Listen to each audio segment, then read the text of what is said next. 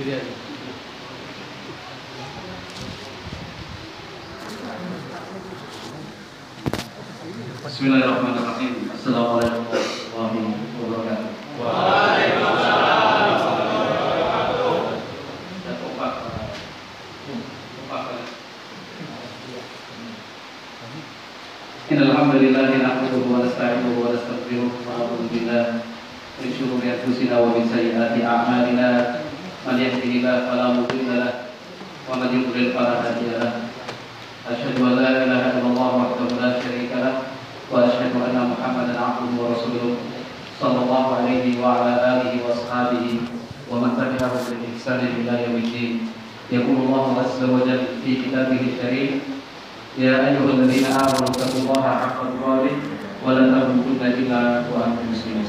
ويقول سبحانه يا أيها الذين آمنوا اتقوا الله وقولوا قولا سديدا يصلح لكم أعمالكم ويغفر لكم ذنوبكم ومن يطع الله ورسوله فقد فاز فوزا عظيما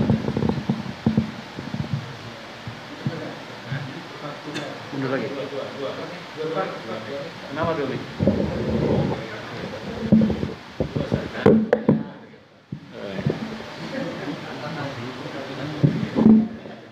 Alhamdulillah Jamaah salat zuhur Masjid Al-A'raf Markas Brimob Tarakan rahimakumullah. Dari pembukaan perlu saya sampaikan bahwa tausiah pada siang hari ini durasinya tidak terlalu panjang. Cukup 30 menit saja. Nah, karena yang terpenting dan paling utama dari apa yang kita peroleh adalah pengamalannya. Nah, berbicara panjang lebar 2 jam 3 jam sekian banyak ilmu kita peroleh dan kita dapatkan. Akan tetapi bila tidak diiringi dengan pengamalan maka hasilnya akan minim. Berbeda dengan ilmu yang sesedikit apa pun itu asalkan kita berikhtiar secara maksimal untuk mengamalkannya. Sungguh satu kebaikan yang dilakukan Allah akan melipat gandakan sampai 10 bahkan sampai 700 kali lipat. Jamaah salat zuhur Masjid Al-Araf Markas Brimob Tarakan rahimakumullah. Kalau misalkan boleh kita sama-sama untuk membayangkan cobalah kita membayangkan tentang seseorang yang ingin menempuh sebuah perjalanan. Nah, dia ingin pergi. Nah, akan tetapi dia tidak tahu ke mana mau pergi. Tidak ada tujuan pastinya. Nah, nggak tahu ke mana mau pergi, tujuannya ke mana dan untuk apa, nggak paham. Nah, katakanlah dia mengerti dan paham, tujuan akhirnya adalah di titik X. Dia paham harus sampai dan tiba di titik X. Akan tetapi dia nggak mempunyai persiapan yang cukup. Dia berangkat tanpa membawa bekal yang diperlukan. Dia tidak mempelajari sebelumnya.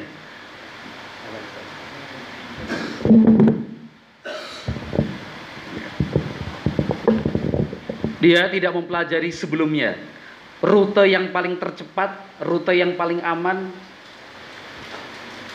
seberapakah banyaknya bekal yang harus dia persiapkan. Tidak paham. Mohon maaf, ma'asyiral muslimin rahimakumullah. Orang yang seperti ini pasti menjalani apa melakukan perjalanan itu dengan bimbang, galau, pusing, susah, capek. Nah, yang capek dan letih bukan cuma badan dan fisiknya, pikiran dan hatinya pun capek. Dia nggak paham mau berapa jauh lagi, sudah dekat atau masihkah perlu sekian waktu perjalanan. Nah, apalagi kalau kemudian bekal yang dia bawa tidak cukup. Dia tidak cukup membawa bekal di sisi yang lain dia juga tidak mengetahui manakah makanan, minuman yang boleh dia konsumsi. Tumbuhan, pohon-pohon, buah-buahan yang tidak beracun. Dia tidak paham dan tidak mengerti untuk menemukan sumber mata air seperti apa. Saya yakin kalau misalkan ada seorang anggota BRIMOB, Pak Taryono, Ya. saya yakin ada seorang anggota BRIMOB diperintahkan untuk menuju titik X. Kemudian tanpa persiapan apa-apa, pokoknya asal berangkat aja anggota BRIMOB ini mungkin belum lulus waktu pelatihan dulu. Mungkin nggak sampai. Hah? Mungkin nggak sampai. Nggak sampai. Tapi seorang anggota BRIMOB yang cerdas kan diperintahkan komandan sampai ke titik X. Dia akan bertanya, carikan informasi, mencari informasi dulu. Berapa jaraknya, berapa waktu yang diperkirakan, bekal makanan yang dibawa apa, persenjataan, perlengkapan seperti apa. Nah, itu urusan dunia, rahimakumullah. Orang yang seperti ini susah untuk sampai ke titik X, sampai aja alhamdulillah. Tapi sulit rasanya sampai ke titik X dengan selamat sesuai dengan batasan waktu yang telah ditentukan. Nah, seseorang yang seperti ini kondisinya susah, capek badan, letih fisik, pikiran dan hatinya pun sama, capek. Nah, sehingga dia putus asa, menyerah. Iya kalau kemudian putus asa dia bisa kembali ke titik asal, titik awal. Kalau kemudian dia tersesat, berputar-putar, nggak paham arah, belum lagi nanti kalau hujan badai, tidak ada tempat berteduh, dia tidak mau bekal kemah dan seterusnya. Astagfirullah. Coba berbeda dengan si B, kalau tadi katakan si A, sekarang si B. Nah, dia diperintahkan untuk menuju titik X. Nah, akhirnya dia minta bantuan misalkan kepada seseorang yang bisa dipercaya untuk menjadi penunjuk jalan. Nah, sehingga dia bisa bertanya, kira-kira berapa hari perjalanan kalau berjalan kaki? Rute yang paling dekat, kira-kira bekal apa yang harus saya bawa? Kemudian sumber mata airnya di mana saja? Pakaian kira-kira berapa lapis? Berapa setel yang akan saya persiapkan? Nah, jenis sepatunya seperti apa? Kemudian baterai dan yang lainnya. Nah, apa yang harus saya bawa? Bahkan bila perlu dia meminta bantuan orang tadi, tolong kawani saya, tunjukkan jalannya kepadaku. Ini perjalanan nikmat kan itu. Ketika naik bukit tinggi begitu dia susah berat ya naik gitu naik bukit begitu. Nah, lapar haus. Tapi karena ada penunjuk jalan yang faham dan mengerti seluk beluk jalur serta rute, dia akan mengatakan ini hanya beberapa ratus meter lagi setelah ini pemandangan indah sampai di puncak, jalannya lebih bagus, turun. Di sana ada sumber mata air, ada kebun-kebun, buah. Kalau orang yang pertama tadi lihat, waduh udah capek. Aduh, sampai di sini aja lah. Padahal sebentar lagi. Kenapa? Karena nggak paham rute, nggak mengerti jalur. Berbeda dengan si B tadi, sudah ada pendampingnya, guide-nya, mudah haus, oh ada sumber mata air. Sumber mata air yang pertama di sana jaraknya 300 meter, yang sana lebih jauh 1 km, yang sana lebih jernih, airnya manis, tapi ya agak masuk sedikit ke tengah hutan, aman. Gitu. Kalau ingin makan buah-buahan yang segar di titik yang sana. Nah, gitu. Nanti kalau misalkan turun hujan, saya paham ada sebuah gua di balik bukit ini, kita bisa berteduh di sana. Ya. Hasil akhirnya pasti beda. Orang yang kedua tadi si B sampai ke titik tujuan itu sukses. Kan itu. Nggak terlalu capek. Pikirannya pun tenang. Karena dia paham ini sebentar lagi dua hari lagi setengah hari lagi jamaah sholat duhur Masjid Al Araf Markas Brimob rahimakumullah nah, seperti itu juga perjalanan kita di dunia nah, saya ulangi kembali, seperti itu juga perjalanan kita di dunia. Seorang hamba kita, nah, sama-sama paham bahwa titik tujuan kita adalah akhirat. Itu nggak bisa dihindari. Karena Allah Subhanahu wa taala berfirman, "Kullu nafsin dha'iqatul maut." Setiap makhluk yang mempunyai nyawa itu pasti merasakan kematian. Allah Subhanahu wa taala berfirman dalam Al-Qur'an, "Wattaqu yawman turja'una fihi ila Allah, tsumma tuwaffa kullu nafsin bima kasabat wa hum la yuzlamun." Persiapkan dirimu sebaik-baiknya. Menghadapi hari kalian semua akan dikembalikan kepada Allah. Nah. Kemudian masing-masing akan mendapatkan balasan atas perbuatan yang dilakukan di dunia. Dan mereka tidak akan divolimi. Allah tidak memvolimi hambanya apa yang akan kita dapatkan di akhirat nanti itu sesuai apa yang kita perbuat di dunia. Kalau kita melaksanakan perbuatan yang baik, maka hasilnya pun baik. Nah, kalau kita melakukan perbuatan yang buruk, yang merasakan akibatnya pun kita sendiri, bukan orang lain. Nah, kita lahir di dunia, dilahirkan oleh ibu kita.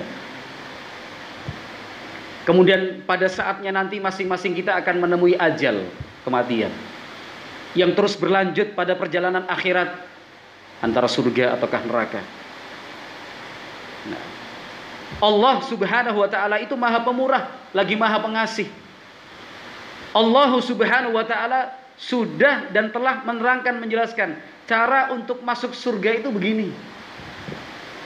Selain itu akan membawamu ke neraka. Yang harus engkau perhatikan selama hidup di dunia tata tertib dan aturannya seperti ini, seperti ini, seperti ini. Kalau terjadi demikian yang harus engkau lakukan begini. Rutenya jelas, jalurnya pasti. Sama halnya kalau misalkan kita diperintahkan untuk menuju titik Z, tiap 10 meter ada rambunya, lurus, belok kanan, dapat 10 meter, ikut belok kiri, kan itu. Maju sedikit lagi sudah ada tanda hati-hati jalan licin. Masuk sedikit lagi, lanjutkan lagi kira-kira 10 meter, sebentar lagi akan ada kemah logistik, silahkan ambil makan dan minum di sana. Terus begitu sampai titik akhir, tiap 50 meter ada tanda, tanda, tanda, tanda. Nikmat kan orang seperti ini jalannya. Kan itu dia tinggal ngikuti rambu-rambu sana. Maju sedikit, paling sana lebih cepat jalannya. Jangan spekulasi sudah ditentukan rambunya begini, begini. Nanti kalau sudah jam 5 malam, eh, jam 5 sore, berhenti, istirahat dulu. Maju sedikit ada pos kesehatan, periksa. Sampai di titik tujuan. Senang, sukses. Nah, untuk menuju surga juga seperti itu. Surga yang penuh dengan kenikmatan dan kelezatan yang sifatnya abadi kekal itu sudah ditentukan jalurnya dan rutenya oleh Allah Subhanahu wa taala. Kita sebagai hamba tinggal mengikut saja sebenarnya. Nah, perjalanan menuju surga itu tidak begitu sulit asalkan kita ikuti aturan. Kalau sulit perasaannya seperti itu, barangkali karena kita tidak mengikuti aturan. Allah Subhanahu wa taala berfirman dalam Al-Qur'an surat Al-Baqarah, "Yuridullahu bikumul yusra wala yuridu bikumul usra." Allah menghendaki kemudahan untuk kalian dan Allah tidak menghendaki kesulitan buat kalian. Nabi kita Muhammad Sallallahu alaihi wasallam bersabda, "Ad-dinu yusrun." Agama Islam itu agama yang mudah dan memberikan kemudahan. Kenapa? Asalkan dia mengikuti aturan. Orang kalau mengikuti aturan mudah, lancar aja. Tapi kalau sudah melanggar aturan, jangankan aturan Allah Subhanahu wa taala, aturan komandan aja. Kan gitu. Seorang anggota yang melanggar perintah komandan, diapakan Pak Taryono? Dan ada yang dipukul, ada yang dimasukkan sel. Ustaz. Oh, ada yang dipukul sampai dimasukkan sel. Itu baru aturan komandan. Artinya mestinya kita akan bercermin dan berkaca. Di dunia ini kita adalah hamba, makhluk ciptaan Allah. Allah yang sudah membuat aturan, membuat ketetapan. Aturan-aturan itu untuk kebaikan dan maslahat kita sendiri. Kalau kita ikuti aturan itu, jalannya mudah. Seorang anggota Pak Taryono berprestasi, ranking satu ketika pendidikan, akhlaknya baik, patuh dan taat sama komandan, kira-kira karirnya cepat apa enggak ini? Kira-kira aja. Cepat kan ya? Cepat tek tek tek tek. Kita pun seperti itu di dunia. Kalau kita menjadi hamba yang taat, hamba yang dekat kepada Allah Subhanahu wa taala, semua perjalanan kita itu di dunia mudah, nggak kenal galau, nggak kenal sedih demi Allah. Sekalipun ada masalah, cepat diselesaikan. Kenapa? Karena Allah yang membantu dan menolong kita. Seorang hamba yang taat, patuh kepada Allah Subhanahu wa taala, semua permintaannya dikabulkan. Semua permintaannya dikabulkan.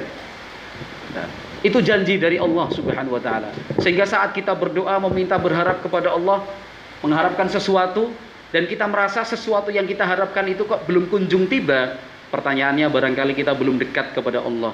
Barangkali kita tidak termasuk hamba yang dicintai Allah. Nah, gitu. Samalah Pak Taryono, lagi-lagi Pak Taryono.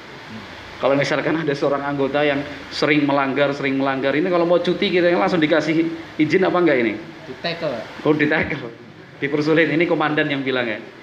Ini dipersulit. Nah, yang kita khawatirkan kalau kemudian dipecat, ya kan?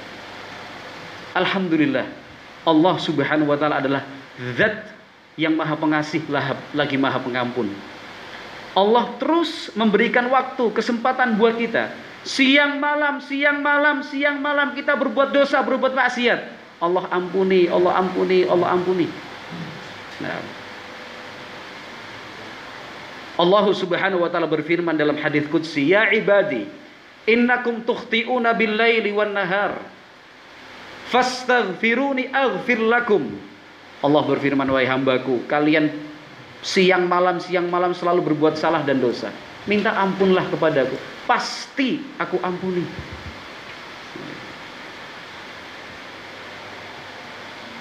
Allah Subhanahu wa taala memberikan maaf dan ampunan untuk hamba-hambanya. Oleh karena itu, jamaah salat duhur Masjid Al-Araf Markas Brimob Tarakan rahimakumullah. Nah, perlu sekarang kita melakukan evaluasi dan koreksi atas kehidupan yang kita jalani sekarang ini. Hidup kita sudah landai, tenang, tentram, gitu. isinya senang, senyum, ya. bisa tertawa, terbahak-bahak, suasana hati senang, lapang, luas, ataukah dikit-dikit masalah, dikit-dikit galau nih, kan gitu. dikit-dikit aduh nggak punya duit, dikit-dikit putus sama pacar, oh. Itu kalau yang masih muda. Dikit-dikit patah hati dikit-dikit putus cinta dimarahin orang tua dihukum sama komandan disuruh. Jadi isinya cuma mengeluh mengeluh mengeluh mengeluh. Sudah badannya capek pikirannya juga capek.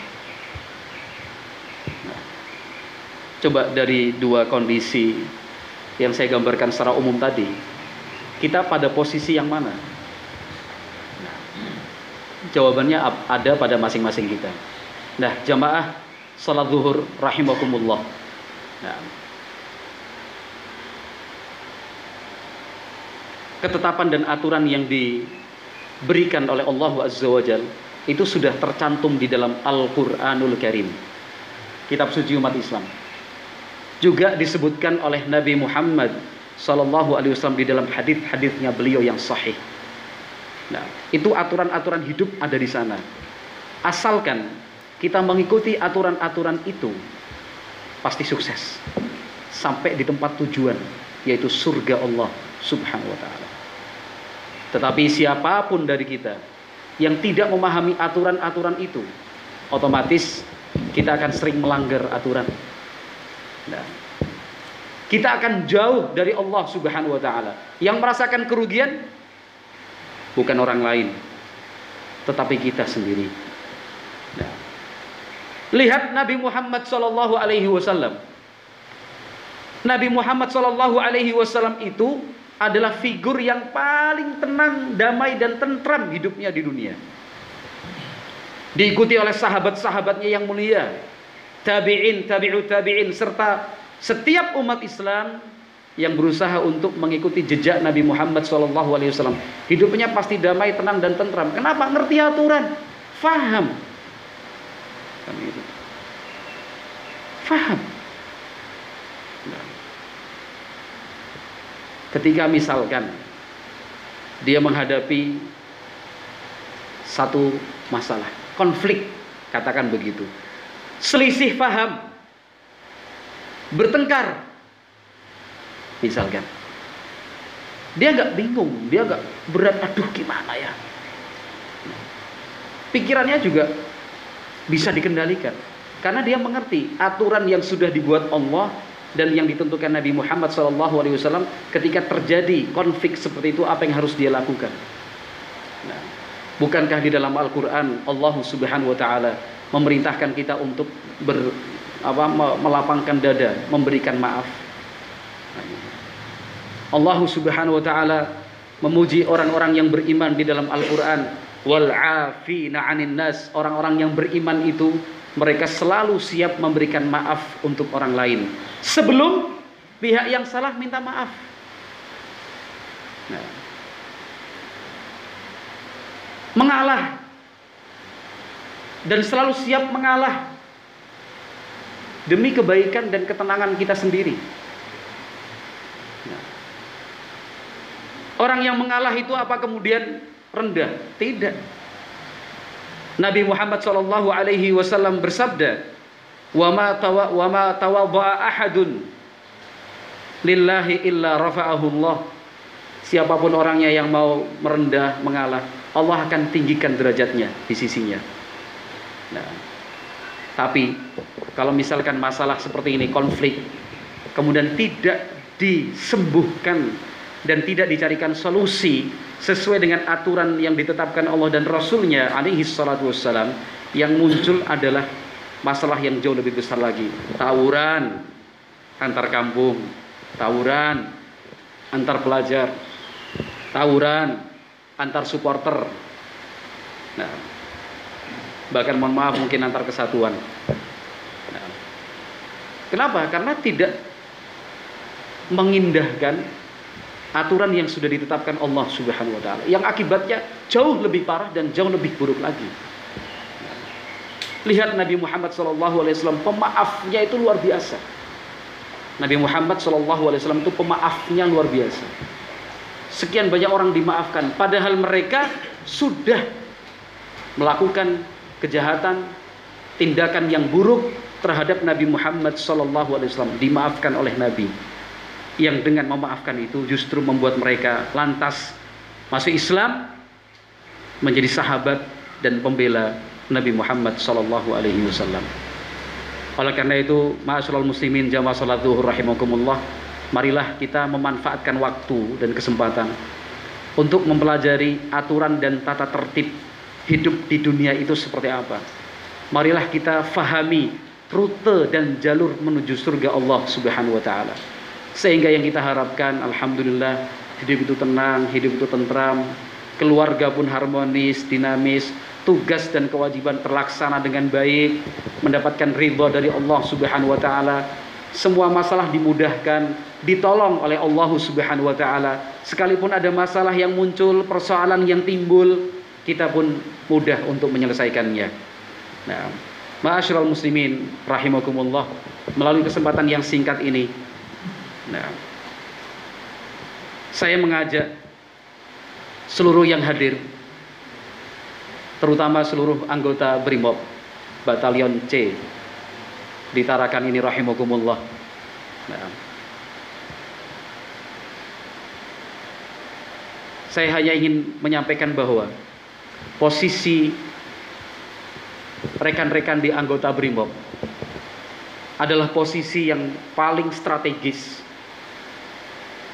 posisi yang sangat menguntungkan untuk mendapatkan pahala dari Allah sebanyak-banyaknya. Lebih banyak dari yang kita-kita ini orang biasa. Anda-anda kan orang luar biasa. Sebagai seorang aparat keamanan. Nah, selama dia melaksanakan tugas dan kewajiban, memberikan rasa aman, mengayomi masyarakat, yang alhamdulillah masyarakat Indonesia mayoritasnya adalah muslim. Niatkanlah itu semua ikhlas karena Allah. Mengharapkan pahala dari Allah. Niatkan itu sebagai ibadah kepada Allah Subhanahu wa taala. Maka pahalanya besar sekali. Nah, mulai dari pengamanan kegiatan, menyeberangkan anak sekolah, orang tua dari satu sisi jalan ke sisi yang lain.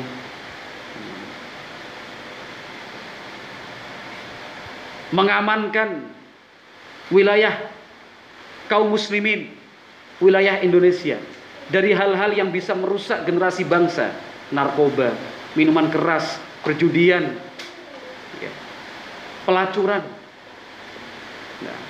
anda-anda yang menjadi benteng pertama, itu pahalanya luar biasa. Anda yang berjaga di malam hari, tidak boleh ngantuk apalagi tidur. Tujuannya adalah untuk memberi rasa aman dan nyaman bagi umat Islam sebagai penduduk mayoritas Indonesia. Itu setiap detik, setiap menitnya adalah pahala dari Allah Subhanahu wa taala. Ya. Apalagi kalau kemudian di saat jaga malam sempatkan lima menit saja, nggak usah lama-lama. Ketika jaga di pos terdepan sana, pos penjagaan, yang jaga empat atau lima orang sempatkan lima menit berwudu sholat malam satu rakaat saja sholat witir. Nggak usah lama-lama. Setelah sholat witir berdoa minta kepada Allah apa yang kita perlukan apa yang kita inginkan. Nah, orang tuanya sehat ya melaksanakan tugas lancar dan sukses yang masih bujang biar dapat istri yang soleha bukan cuma cantik cantik dan so ya kalau ini langsung ada tanggapannya Pak Taryono. Berdoa di akhir malam itu cuma lima menit aja mas, lima menit aja, nggak usah banyak-banyak, nggak usah lama-lama. Itu.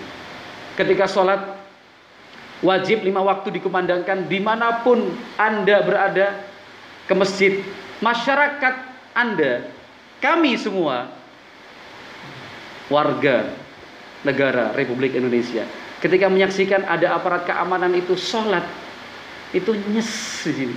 Alhamdulillah, senangnya luar biasa. Pakaian brimob, pakaian loreng, atau kesatuan yang lainnya, seragam dinas. Kok ketika Allah Akbar, Allahu Akbar, adzan zuhur. Kemudian berhenti, sholat dulu. Tempat wudhu, sholat. Itu kita-kita yang menjadi teman kanan kirinya itu sudah senang. Rasanya aman, nyaman. Gitu. Ada anggota yang ikut sholat, Masya Allah. Tapi betapa sedihnya kami masyarakat ketika misalkan mendengar ada satu oknum misalkan tertangkap membawa narkoba.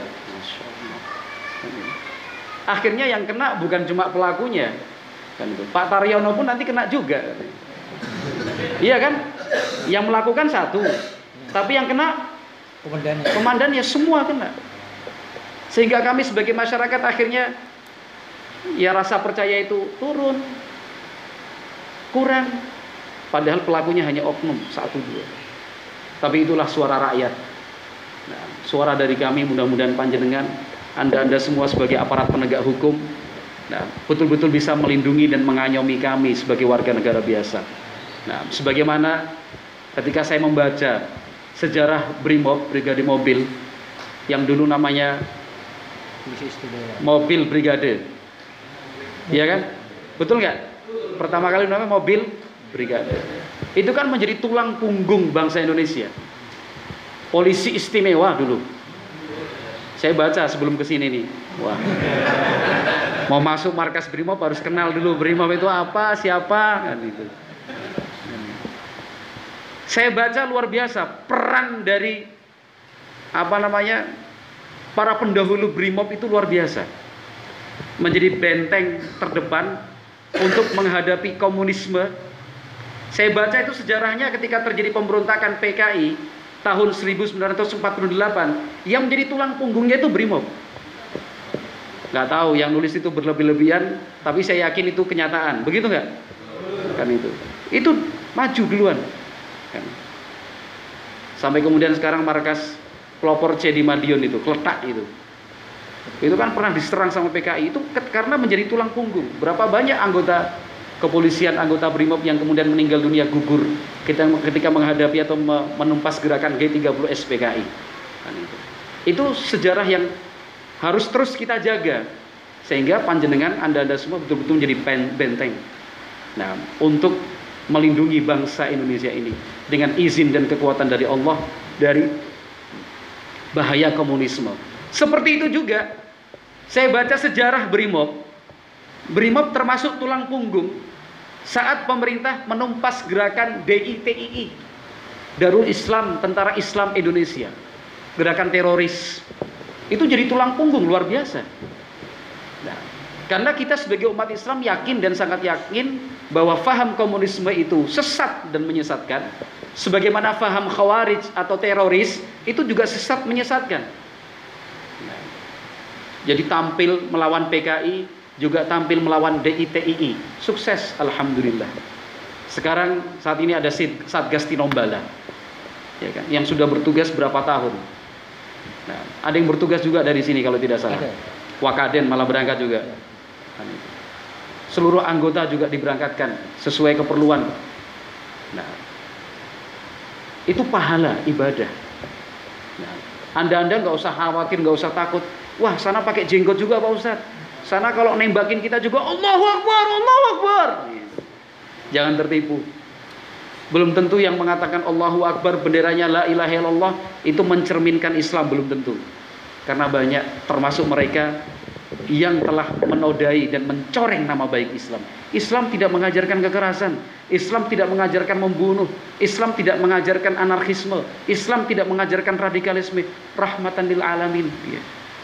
Maka sejarah itu harus dijaga sampai generasi Brimob yang sekarang ini. Saya berdoa dan mendoakan mudah-mudahan panjenengan semua betul-betul menjadi yang terpilih dari Allah Subhanahu wa taala, ya kan, menjadi benteng terdepan untuk menjaga apa namanya negara Indonesia, negara kaum muslimin, ya kan karena karena mayoritasnya muslim sehingga faham-faham komunisme betul-betul dideteksi dini, kemudian diselesaikan. Yang teroris-teroris juga seperti itu, deteksi dini selesaikan juga. Demikian juga yang bisa merusak generasi muda. Nah, yang mengganggu Kamtipmas juga panjenengan tampil. Nah, tampil untuk menggerbek ini, menggerbek sana. Karena yang punya hak dan wewenang adalah aparat keamanan, bukan kami yang warga biasa ini. Kami tidak punya hak untuk melakukan sweeping. Kami tidak punya hak untuk melakukan penggerbekan. Walaupun ada sebagian kelompok yang menggunakan pakaian Islam dan atribut Islam melakukan sweeping, gerbek itu tidak dibenarkan di dalam Islam. Karena itu adalah tugas dan wewenang dari aparat keamanan. Wallahu a'lam bishawab. Mudah-mudahan yang sedikit ini bermanfaat. Seperti yang saya sebutkan tadi 30 menit saja. Ini hanya lebih 2 atau 3 menit. Mudah-mudahan yang sebentar ini bermanfaat. Kalau misalkan ada kesempatan dan apa namanya waktu luang kita bisa bertemu lagi nanti malam di masjid dekat rumahnya Pak Taryono. Asisipa. Oh, Asyifa kan. Tadi kata Pak Orne gitu, dekat rumahnya Pak Taryono. Samping rumah. Samping rumah. Kalau misalkan agak susah menyebut Pak Taryono, panggil aja Mbah Taryono. Wallahu alam bisawab. Mudah-mudahan Allah berikan kemudahan untuk kita semua. Walhamdulillahirabbil alamin. Wassalamualaikum warahmatullahi wabarakatuh.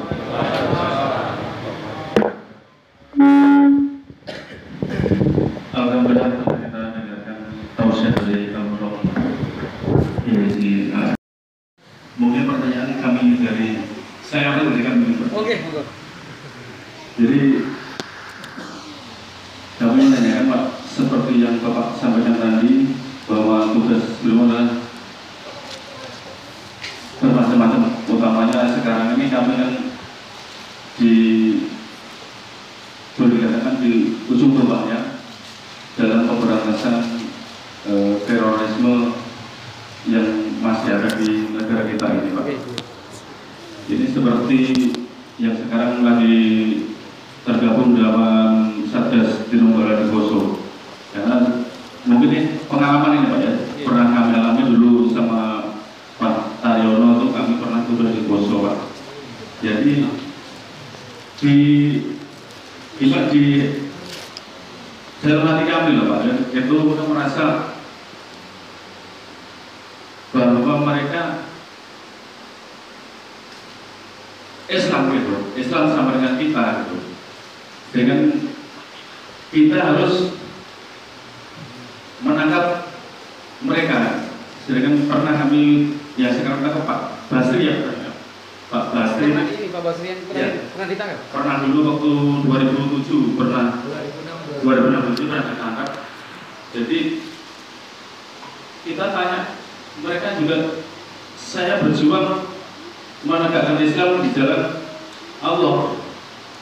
Jadi kita tuh kadang gimana gitu Pak? Jadi nggak bisa ini lah, nggak bisa apa gitu. banyak kebimbangan gitu di dalam kita itu Pak. Jadi mungkin Pak Ustadz bisa apa memberikan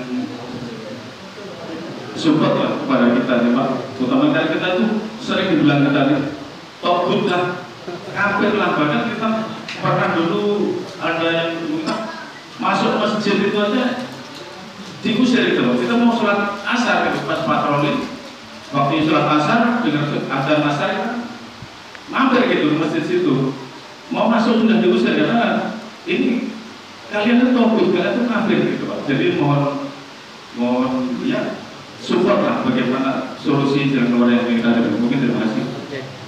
Pak Pak Supono. Pak Turun Pak Supono. Jadi pertanyaan dari Pak Supono itu termasuk juga pertanyaan yang tersampaikan melalui kertas atau tulisan ini. Jadi pertanyaannya apakah termasuk jihad fisabilillah petugas penumpas golongan Islam radikal seperti Santoso CS yang di Poso? Ya termasuk jihad fisabilillah.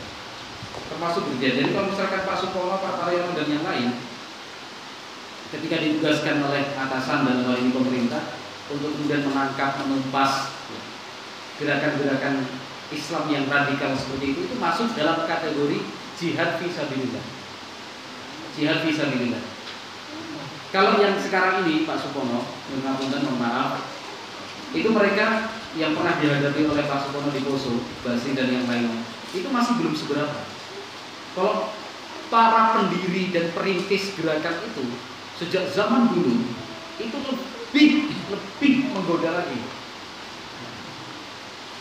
Nabi Muhammad SAW yang menerangkan. Jadi bukan kita. Nabi Muhammad saja menyatakan apa namanya?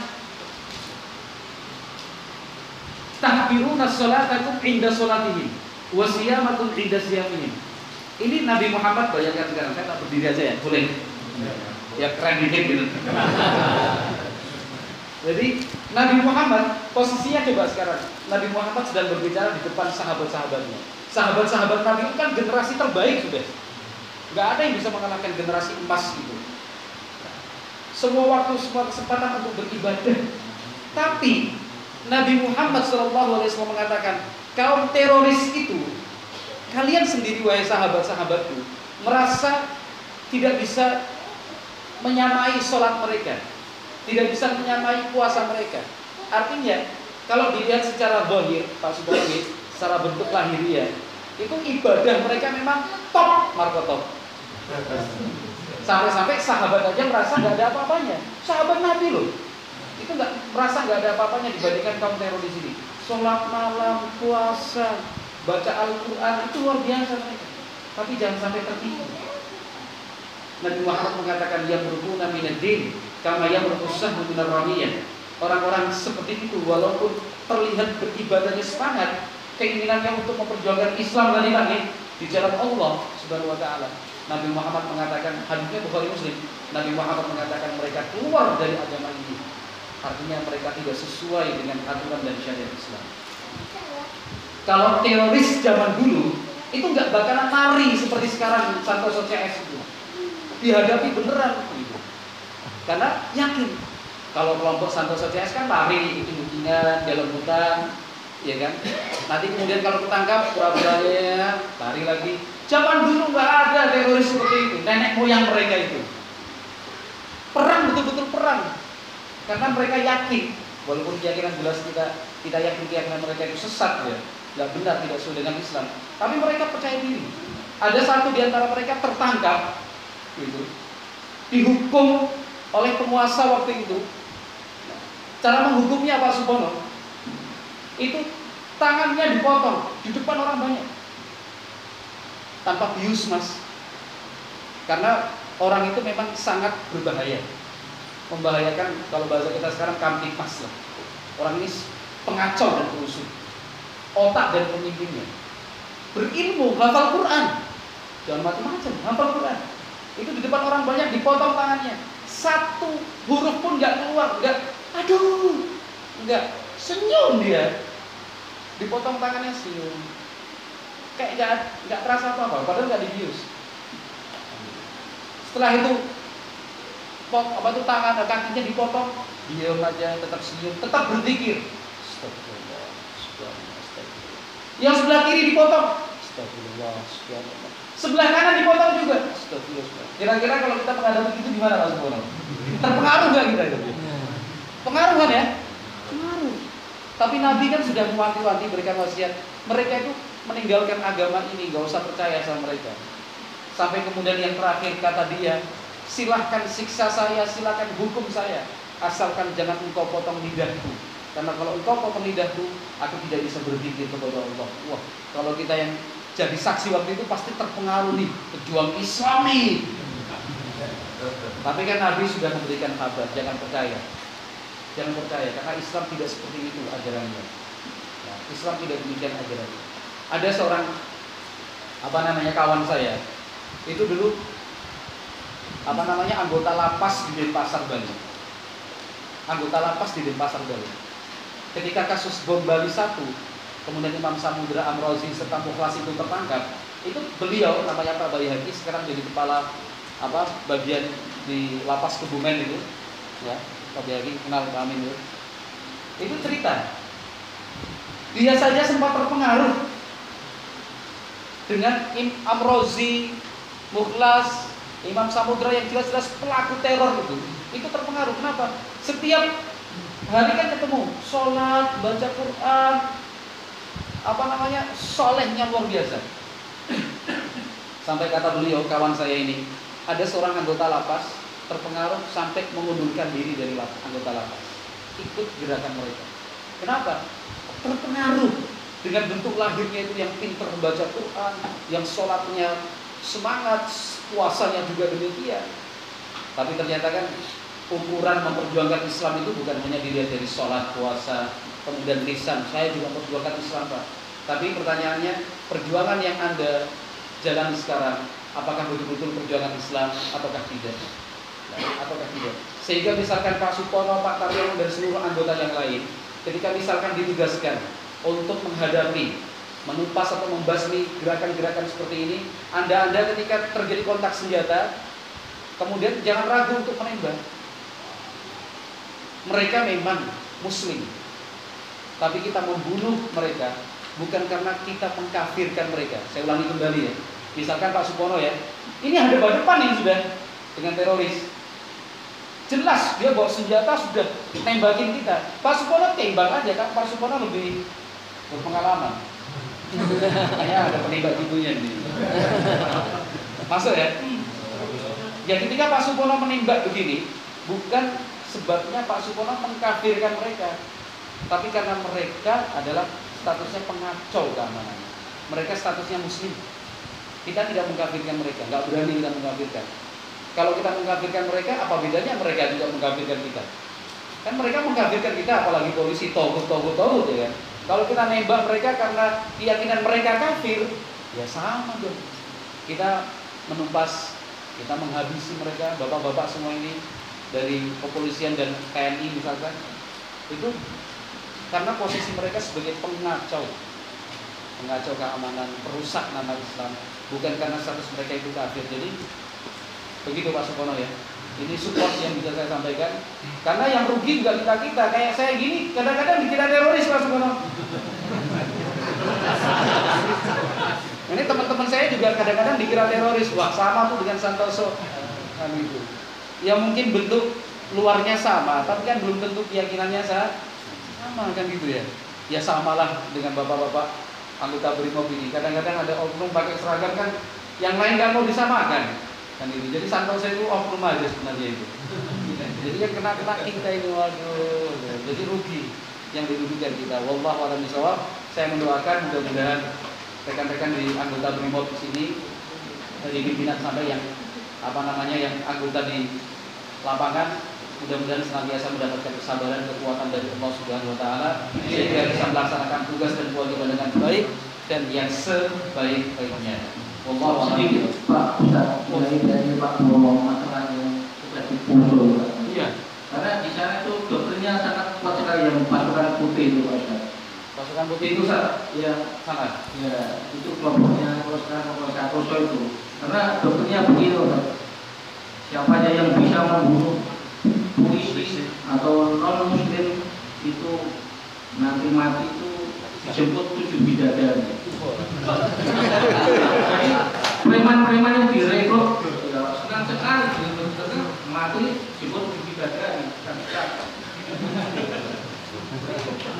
Terang aja di Poso itu lebih banyak daripada di Aceh Pak. Kalau di Aceh memang terus yang ini teman lawan ya, jadi lawan lawan.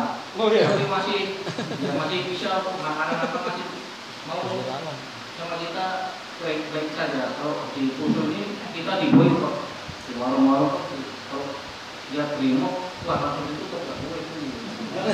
Oh, jangan kan warung masjid aja tadi boykot masjid. Itu pentingnya sinergisitas, ya. artinya kerjasama yang baik antara aparat keamanan dengan umat Islam dalam hal ini ya katakan para ulamanya lah. Ulamanya diberi kesempatan untuk memberikan keterangan. Misalkan saya begini, kalau misalkan bapak-bapak bisa mengusahakan, jadi kita tampilkan ustaz kita untuk menjelaskan di masjid besar yang jadi panitia brimob misalkan. Kan kita bisa memberikan penjelasan kepada kaum muslimin yang benar itu seperti ini, seperti ini, seperti ini. Itu yang disebut dengan kerjasama yang baik. Tapi kadang-kadang begitu, kadang-kadang kita sendiri aja udah mau dicurigain gitu, membuat kajian, waduh jangan itu kelompok teroris. Belum kita sampaikan, sudah dicurigain. Jadi saya minta tolonglah bapak-bapak di sini. Insya Allah ya, yang kita sampaikan adalah Islam yang rahmatan lil alamin. Walaupun mungkin secara bentuknya jenggot di atas mata kaki dan segala macam kita beda lah sama mereka kaum santo- santoso itu. Saya dulu waktu pernah pondok pesantren di Solo, itu jalan dengan pondok Al Mukmin Ruki Abu Bakar Ba'asyir itu. Itu kalau tarik lurus paling 300 sampai 500 meter. Kita kalau di atas lantai 3 itu bisa melihat santri-santrinya yang di sana lantai 2, saking dekatnya. Suatu saat kita mengadakan kegiatan tabligh akbar yang sedikit menyinggung Abu Bakar Ba'asyir. Itu pondok kita dikepung kok sama mereka. Dikepung. Padahal tampilannya mungkin sama, sama-sama pakai jenggot, sama-sama pakai jubah gitu. Tapi mereka bencinya bukan main sama kita, dikepung pondok kita itu. Tapi alhamdulillah itu justru menjadi sebab hikmahnya itu ada. Ada beberapa dari mereka itu akhirnya bertaubat. Taubatnya kenapa? Jadi korlapnya itu naik motor mereka. Wuh, wuh, wuh, wuh. Mereka menuntut pembicara kita waktu itu Ustaz Askari. Ustaz Askari itu dituntut untuk diproses secara hukum. Jadi yang anggotanya yang pinter-pinter di belakang kok minta diproses secara hukum taubat? Kan mereka menuntut agar pembicara karena telah mencemarkan nama baik Abu Bakar Basir harus diproses secara hukum di Polres. Polres datang. Kan. Jadi yang teriak-teriak korlapnya itu proses secara hukum, proses secara hukum, tangkap, bawa ke polisi. Ini yang belakangnya, loh, loh, loh, loh, kok gini nih? Itu empat atau lima dari mereka tobat, nemuin termasuk saya yang ditemui. Ustaz, saya tobat. Ternyata mereka nggak benar. Kenapa? Bahwa kita dididik untuk apa mengatakan pemerintah tauhid aparat keamanan itu kafir. Hukum dan undang-undang yang berlaku di Indonesia itu hukum kafir. Tapi kalau di depan mata kita waktu kemarin korlapnya malah menuntut sang ustaz itu diproses secara hukum. Perundang-undangan Indonesia ya gak baca baca akhirnya tobat alhamdulillah sekarang mereka sudah sudah baik Pak. A'lam. Mungkin cukup ya. Biar istirahat dulu lah Ada yang lain. Nanti malam lagi aja. Biar ngambang, karena nanti malam kan nggak ada latihan bela diri. Daripada banding-bandingan kita nanti tanya jawab aja di mesin. Sampingnya Pak Taryono.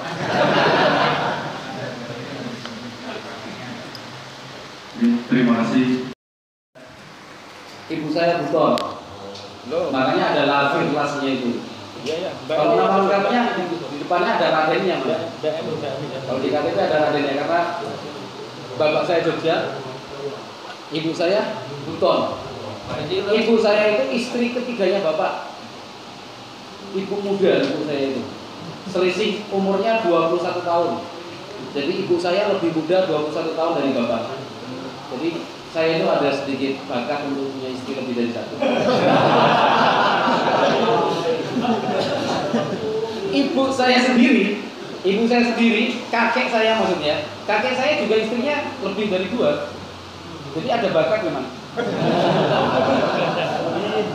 istri saya, istri saya bapaknya juga is- istrinya dua.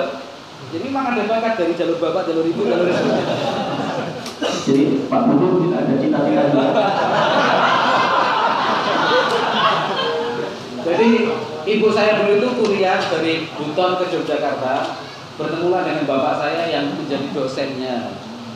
Alhamdulillah. Tapi karena bapak saya juga termasuk laki-laki yang luar biasa, ibu pertama saya juga luar biasa. Ibu pertama itu sangat mendukung bapak saya untuk nikah lagi. Tapi syaratnya cuma satu, bawa dulu ke sini.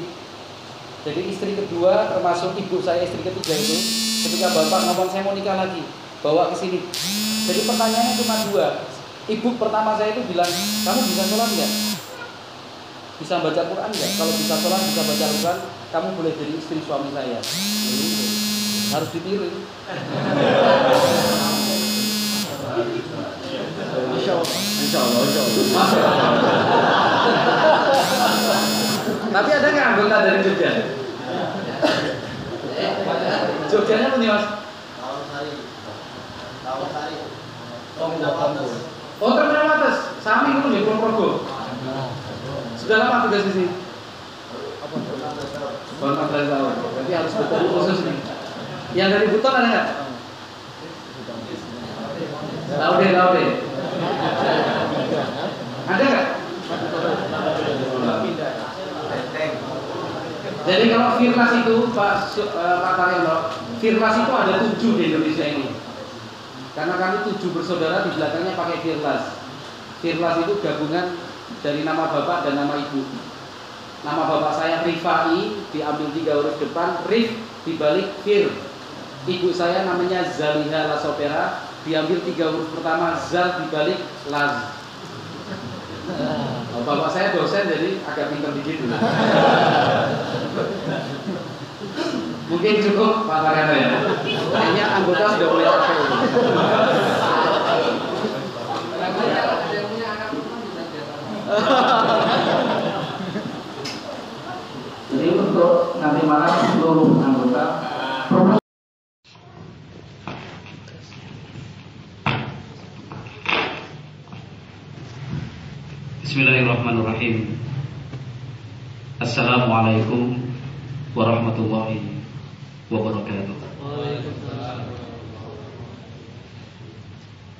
إن الحمد لله نحمده ونستعينه ونستغفره ونعوذ بالله من شرور أنفسنا ومن سيئات أعمالنا. من يهده الله فلا مضل له ومن يضلل فلا هادي له. أشهد أن لا إله إلا الله وحده لا شريك له وأشهد أن محمدا عبده ورسوله. صلى الله عليه وعلى آله وأصحابه ومن تبعهم بإحسان إلى يوم الدين. يقول الله عز وجل في كتابه الكريم يا أيها الذين آمنوا اتقوا الله حق تقاته ولا تموتن إلا وأنتم مسلمون. ويقول سبحانه يا أيها الذين آمنوا اتقوا الله وقولوا قولا سديدا يصلح لكم أعمالكم ويغفر لكم ذنوبكم ومن يطع الله ورسوله فقد فاز فوزا عظيما معاشر المسلمين jamaah salat maghrib Masjid Asy-Syifa di Kota Tarakan Kalimantan Utara rahimakumullah. Sebelum Islam datang, sebelum Islam disampaikan dan diajarkan oleh Nabi Muhammad SAW, Alaihi Wasallam, kondisi masyarakat waktu itu pada umumnya bukan hanya di semenanjung Arab. Bahkan di seluruh penjuru dunia yang di Eropa dalam hal ini terwakilkan dengan kerajaan Romawi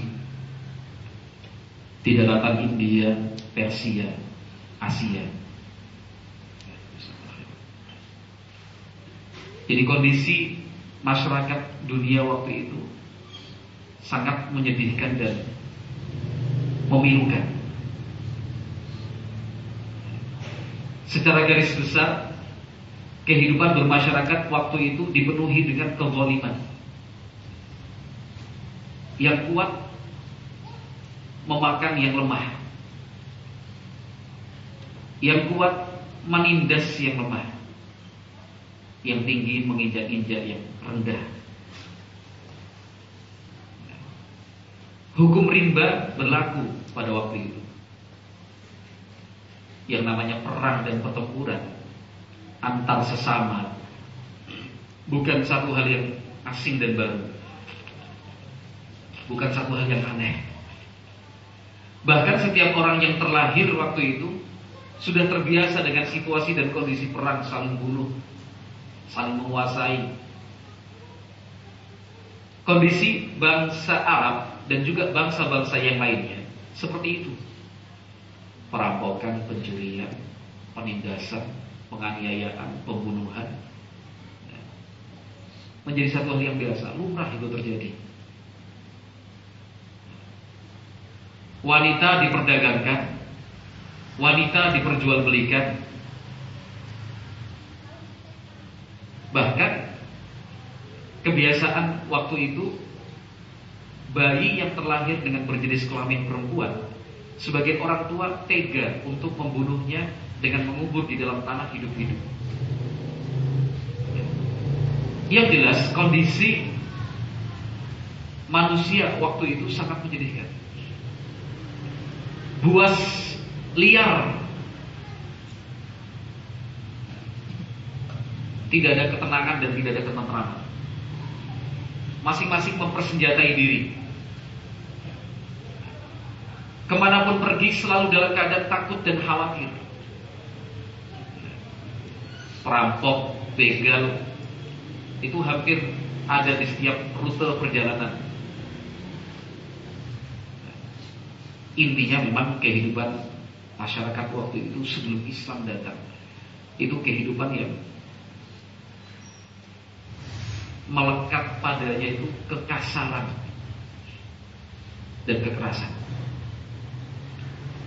Dengan kondisi yang seperti itu, ma'asyiral muslimin, jamaah salat maghrib rahimahumullah, Islam pun datang. Diturunkan Allah Azza wa Jalla disampaikan dan diajarkan melalui Nabi Muhammad SAW. Tahukah kita apa arti Islam? Islam itu dari bahasa asal katanya secara morfologis dari salima yaslamu aslama yuslimu islaman salamatan silman yang secara akar kata itu selalu mengarah kepada keamanan, kedamaian, ketentraman, keselamatan. Islam namanya saja sudah Islam, sudah jadi bahasa Indonesia selamat. Coba perhatikan baik-baik sifat dan karakter Nabi Muhammad SAW sejak kecil sampai kemudian beliau diangkat sebagai Nabi dan Rasul. Profil dan figur beliau itu adalah profil dan figur yang lemah lembut dan penuh kasih sayang. Beliau diutus oleh Allah Azza wa dengan konsep ini juga. Allah berfirman dalam Al-Quran, "Wa ma arsalnaka illa rahmatan lil alamin." Tidaklah kami mengutus engkau wahai Muhammad sallallahu alaihi wasallam kecuali sebagai rahmat untuk seluruh alam semesta. Islam itu rahmah. Nabi Muhammad yang membawa dan mengajarkannya juga memiliki sifat rahmah. Ajaran-ajaran yang beliau sampaikan juga selalu berlandaskan dan berkonsepkan rahmat, cinta kasih, kedamaian, kelemah lembutan. Coba kita perhatikan baik-baik sebuah sabda yang diucapkan oleh Rasulullah SAW. Sabda beliau ini adalah prinsip hidup seorang muslim. Kata Nabi SAW, Marrifku fi syai'in illa zanah wa man nuzi'a an syai'in illa syanah. Hadis riwayat Muslim dari istri beliau Aisyah Ummu Abdullah radhiyallahu taala anha. Kata Nabi Shallallahu Alaihi Wasallam tidaklah sikap lemah lembut itu pada sesuatu kecuali pasti akan menjadikannya indah dan baik. Tapi kalau sudah sikap lemah lembut itu dicabut dan tidak ditemukan, pasti hal itu menjadi sesuatu yang buruk. Artinya, kelemah lembutan dan sikap kasih sayang jika dikedepankan dan diterapkan, hasilnya pasti indah, bagus, happy ending. Tapi kalau sudah sikap kasar, kaku, keras, jumut, itu yang dikedepankan dan diutamakan pasti akhirnya akan buruk. Subhanallah ajaran Islam. Sehingga perkembangan Islam di zaman itu luar biasa pesatnya. Karena umat manusia sekian bangsa yang hidup di dunia saat itu semuanya menunggu, menanti siapakah yang akan membebaskan mereka dari kehidupan yang tidak layak seperti itu kehidupan yang buas, kasar, kaku, saling bunuh,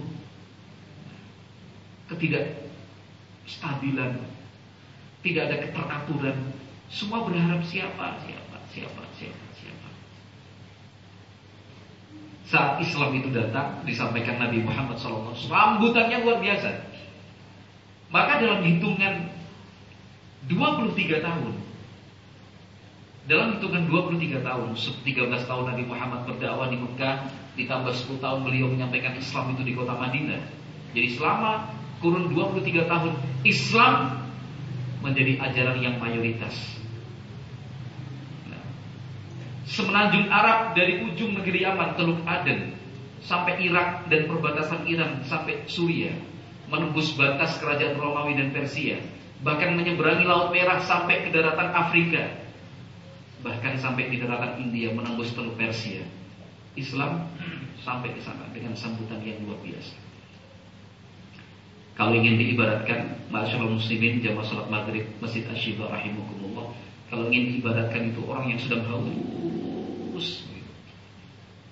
Kan sedang orang yang sedang haus betul-betul haus, apalagi hausnya berkepanjangan.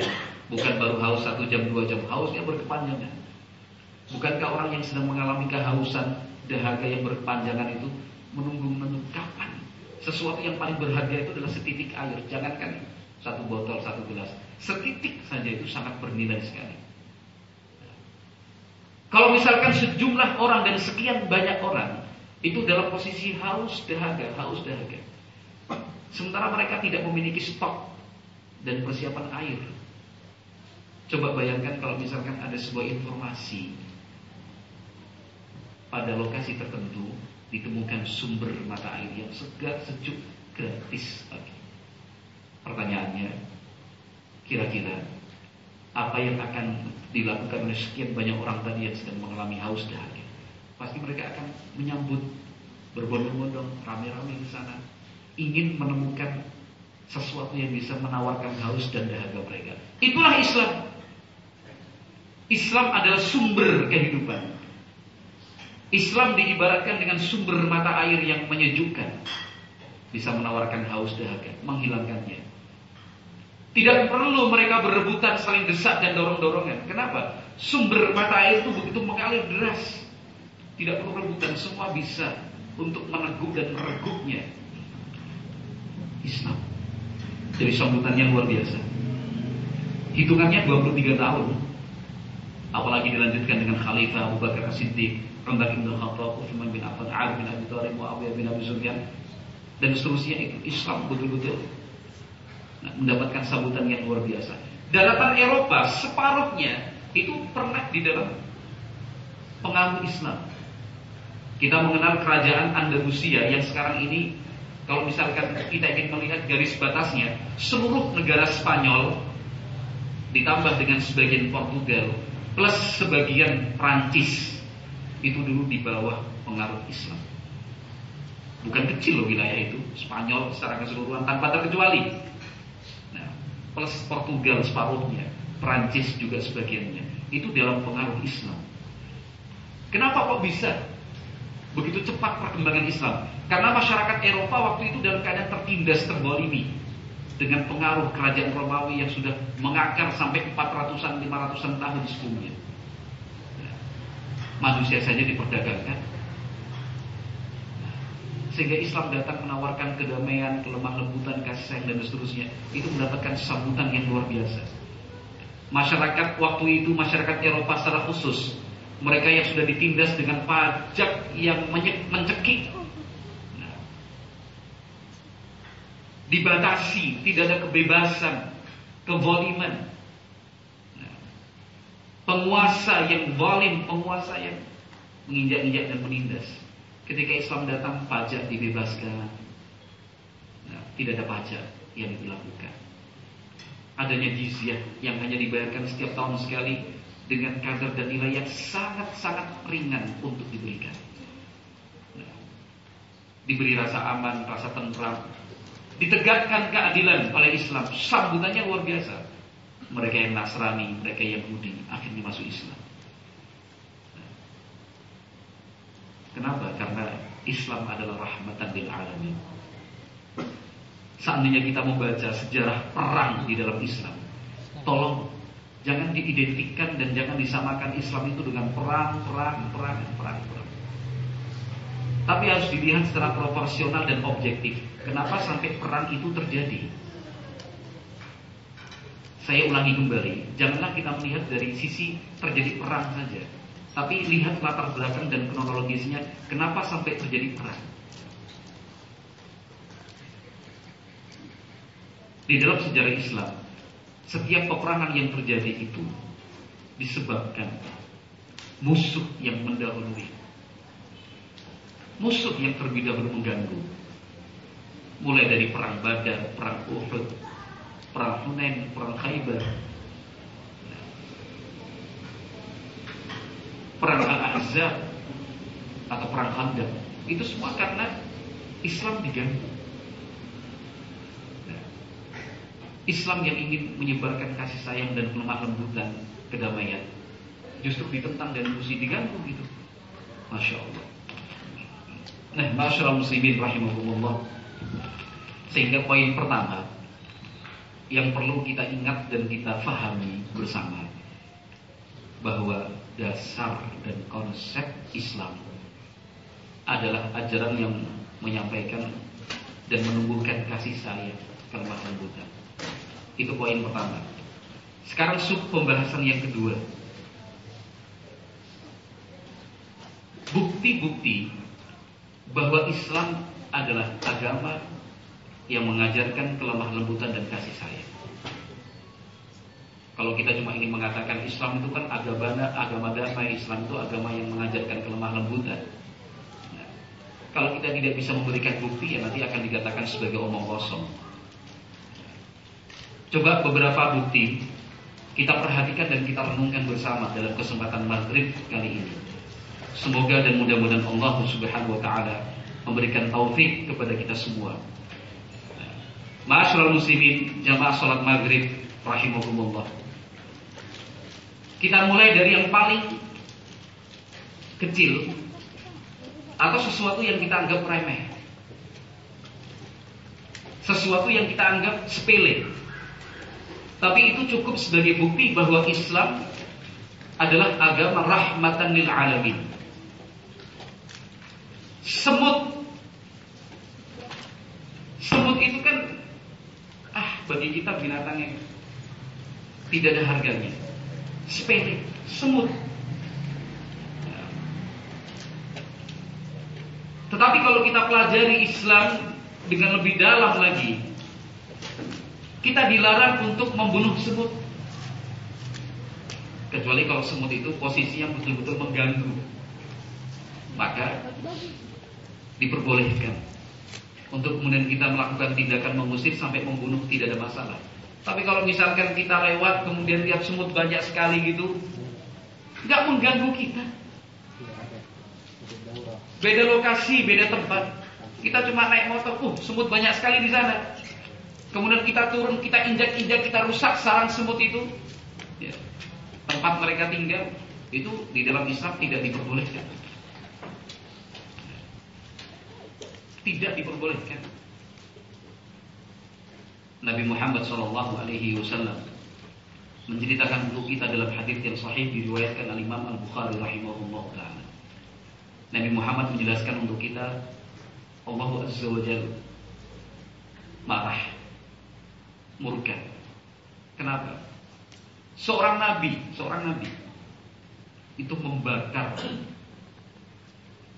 sarang yang penuh dengan semut koloni semut hanya disebabkan seekor semut menggigit. Allah berfirman kepada hamba tersebut sang nabi, "Halla namlah." Apa hanya karena disebabkan seekor semut? Engkau hancurkan, engkau rusak semuanya.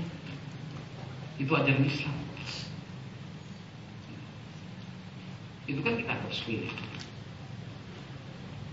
Memelihara hewan dan binatang diperbolehkan silahkan. Tapi kita tidak boleh kemudian menyiksa atau mengurangi hak-haknya. Kebutuhan makan minumnya harus dipenuhi. Bukankah Nabi Muhammad Shallallahu Alaihi Wasallam pernah menceritakan untuk kita tentang dakhalatim ra'atun fi hirratin. Ada seorang wanita masuk ke dalam neraka hanya disebabkan karena dia memelihara seekor kucing, seekor kucing. Habasat halahi at'amatha walahiya tarakatha ta'kulu hashishan ab. Dia pelihara seekor kucing tapi dia tidak beri makan, tidak beri minum. Dikurung juga tidak dilepas sehingga bisa cari makan sendiri sampai mati, masuk neraka orangnya. Apa ini bukan kelemah lembutan? Kepada hewan peliharaan saja Nabi Muhammad Shallallahu Alaihi Wasallam, Nabi Muhammad Shallallahu Alaihi Wasallam ya. itu melarang kita untuk membolimi. Telat memberi makan, telat memberi minum dalam posisi kita mampu, itu berdosa. Kalau memang tidak mampu, ya kenapa pelihara? Nabi Muhammad Shallallahu Alaihi Wasallam pernah berkunjung melakukan kunjungan ke perkampungan orang-orang Ansor. Nah,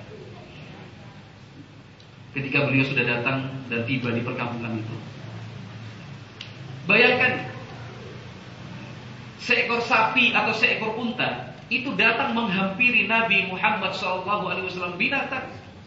Saya lupa sapi atau unta yang jelas binatang ternak seakan berbisik dan berbicara dengan Nabi Muhammad SAW. Saya baru ingat itu seekor unta. Seekor unta. Setelah berbisik menyampaikan sesuatu kepada Nabi SAW, Allah berikan kemampuan kepada Nabi Muhammad untuk memahami bahasa unta. Langsung seketika itu juga Nabi Muhammad SAW menyatakan, "Man rabbu hadzal jabal?" Pemilik unta ini siapa? Muncul anak muda, saya wahai Rasulullah. Kata Nabi SAW baru saja unta ini melapor kepada saya. Dia selama ini diberi beban kerja melebihi batas kemampuannya. Hati-hati. Luar biasa. Tidak boleh kok kemudian kita apa namanya mengkondisikan hewan melakukan sesuatu di luar batas kemampuannya.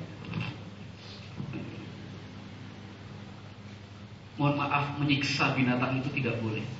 Hadis Bukhari Muslim menyatakan seperti itu. Tidak boleh menyiksa hewan dan binatang.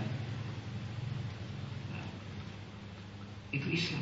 Kepada hewan binatang saja diperhatikan. Tanaman dan tumbuhan sama juga.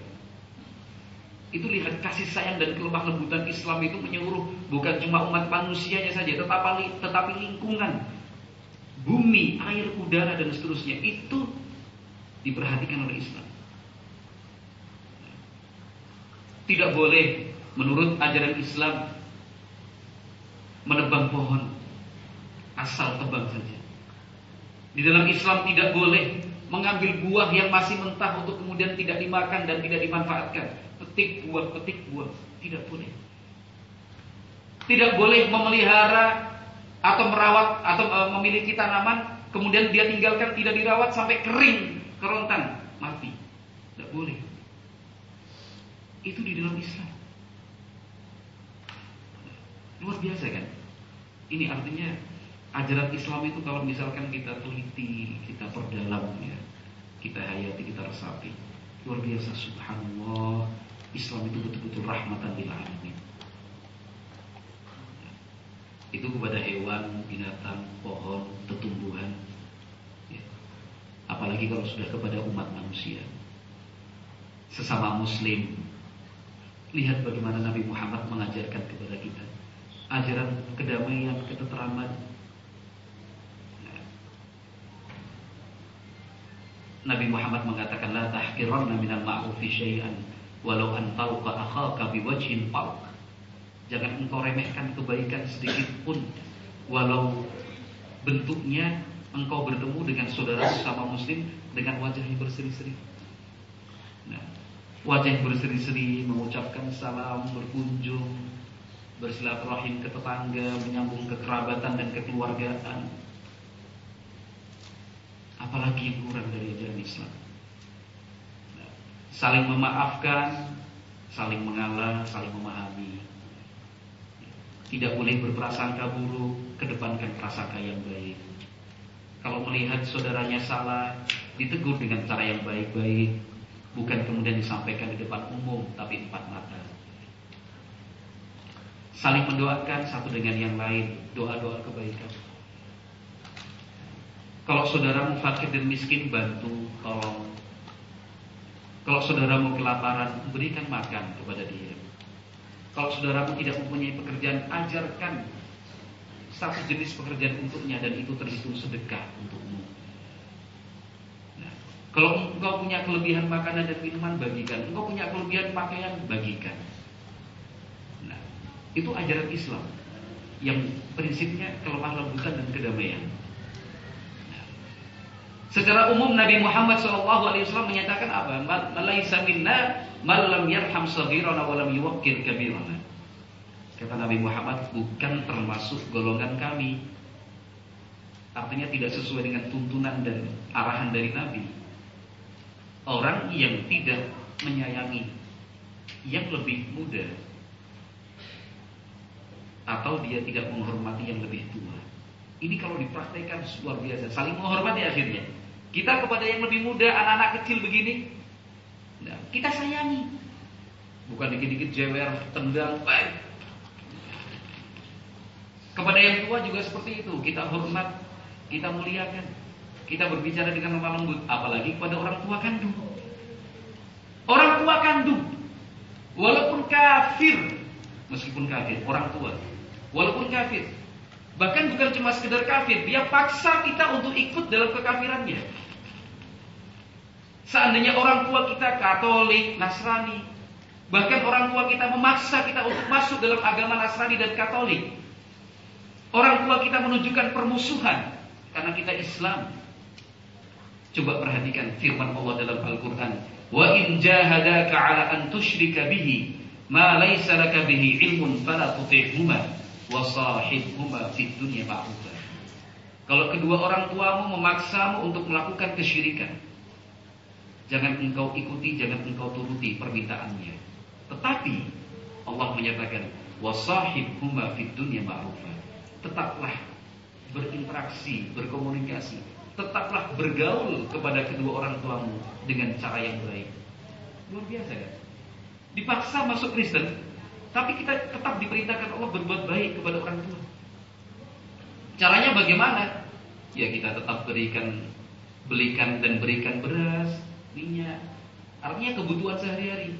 Pulsa kita kirim, listrik juga kita bayar, pakaian kita beri. Tetap diperintahkan seperti itu.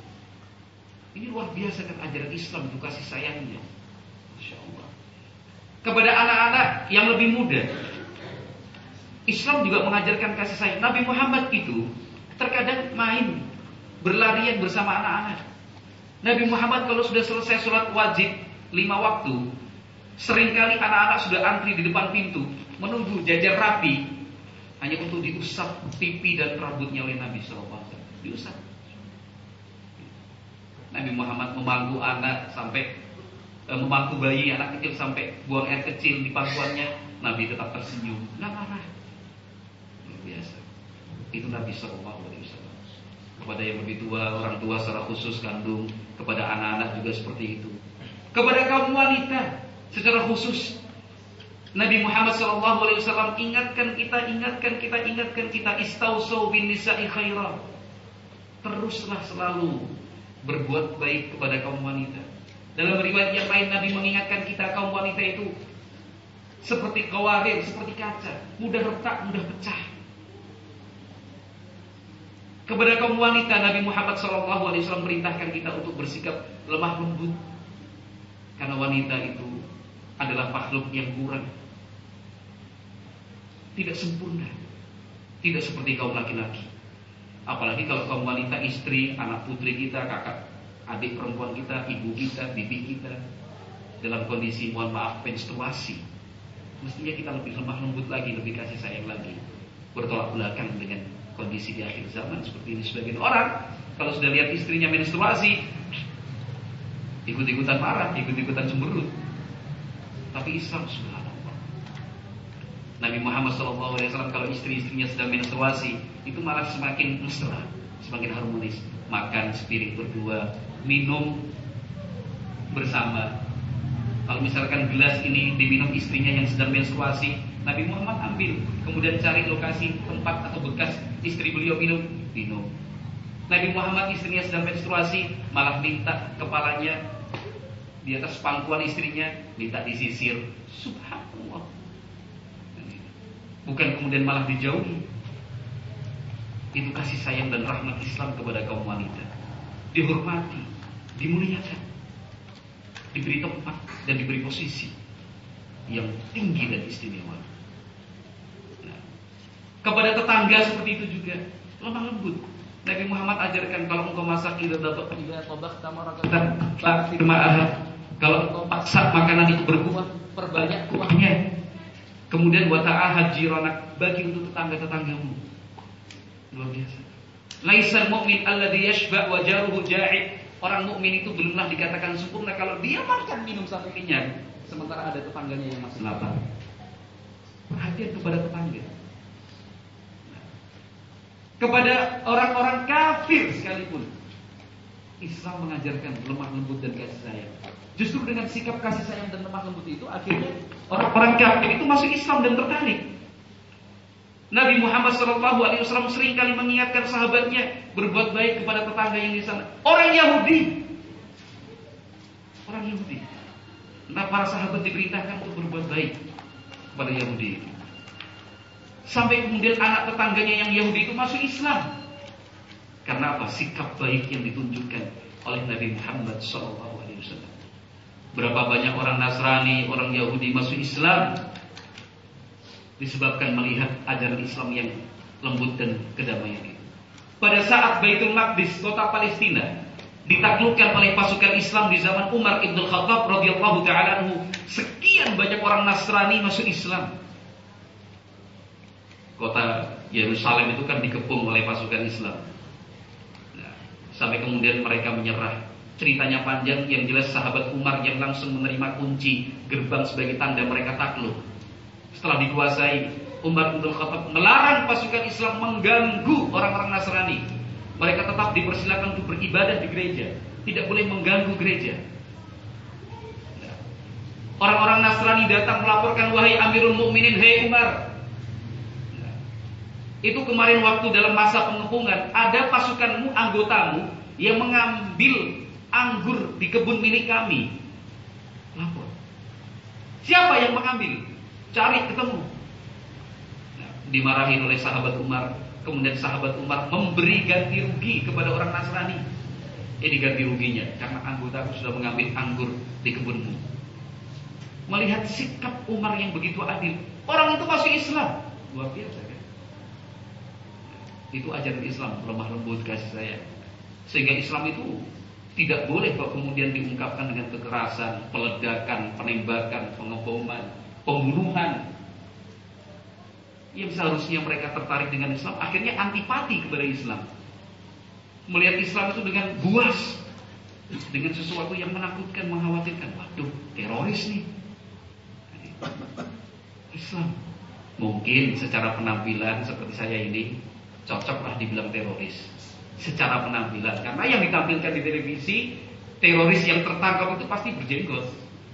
Ya kan? Istrinya bercadar pakai baju hitam pakai jubah di jidatnya ada tanda hitam dua. Tapi bukan Saulin ya. Jadi yang ditayangkan dan ditampilkan di televisi, media massa, media elektronik itu yang begini-begini. Jadi pas ketemu seperti saya, Pak Amril, yang kepala balai karantina untuk daerah Kalimantan Utara aja mungkin dikira teroris nih. Kemarin dikira kan? Waktu ke Tawau ke Malaysia, ya penampilannya gini, mirip kaum teroris gitu. Hah? Mirip Amrozi lagi. Padahal kan belum tentu, artinya kesamaan bentuk lahiriah, bentuk luar itu kan belum tentu secara ideologi dan pemahaman itu sama. Belum tentu. Sama juga dengan orang yang berpakaian preman apa tidak apa, apakah menutup kemungkinan dia sebagai seorang teroris dan radikalis? Belum tentu kan? Pada waktu peledakan di Jakarta beberapa waktu yang lalu di mana itu? Di Tamrin. Pelakunya siapa coba? Pakai celana jeans, pakai topi, pakai kaos. Gak ada jenggotnya bersih. Itu pelaku teroris. Pelaku peledakan bom bunuh diri di Mapolresta Surakarta. Kaosnya malah gambarnya bendera Amerika. Pakai kaos biasa. Jadi bentuk lahiriah, bentuk luar itu belum tentu tanda kalau orang itu teroris bukan. Tapi perlu dipelajari. Oh ternyata cara berpikir pemahamannya betul-betul memang Islam, yaitu yang mengajarkan rahmatan lil alamin, ya, rahmatan lil alamin, kedamaian, kasih sayang dan cinta. Wallahu a'lam. Kita pending dulu, kita break untuk apa namanya melaksanakan sholat isya secara berjamaah. Kalau misalkan diperbolehkan oleh takbir, misalkan diperbolehkan dan diizinkan, mungkin 15 menit, 20 menit nanti sedikit ditambah materi setelah sholat isya. Kalau misalkan diizinkan, tapi mudah-mudahan diizinkan. Mana Pak Taryono? 15-20 menit lah untuk pelengkap apa namanya bukti bahwa Islam itu adalah agama yang rahmatan lil alamin. Tadi saya ingin menjelaskan tentang adab dan aturan perang di dalam Islam itu bagaimana. Sehingga tidak salah sangka. Artinya perang pun di dalam Islam itu luar biasa, lemah lembut, cinta, damai itu seperti apa? Nantikan. Coming soon. Wallahu a'lam bishawab. Subhanakallahumma wa bihamdik asyhadu an la ilaha illa anta astaghfiruka wa atubu ilaik. Assalamualaikum warahmatullahi wabarakatuh. Alhamdulillah wassalatu wassalamu ala Rasulillah wa ala alihi wa wa man wala. Masyaallah muslimin jamaah salat Isya rahimakumullah. Sebagai pelengkap dari pembahasan yang telah kita dengarkan bersama antara maghrib sampai Isya tadi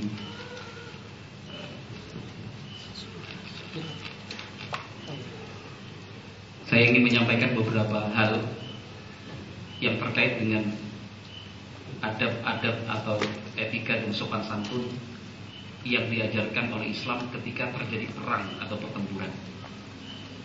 Hal-hal berikut ini semakin menambah bukti bahwa Islam itu adalah agama yang mengajarkan kasih sayang dan kedamaian. Beberapa aturan yang diberlakukan ketika terjadi perang.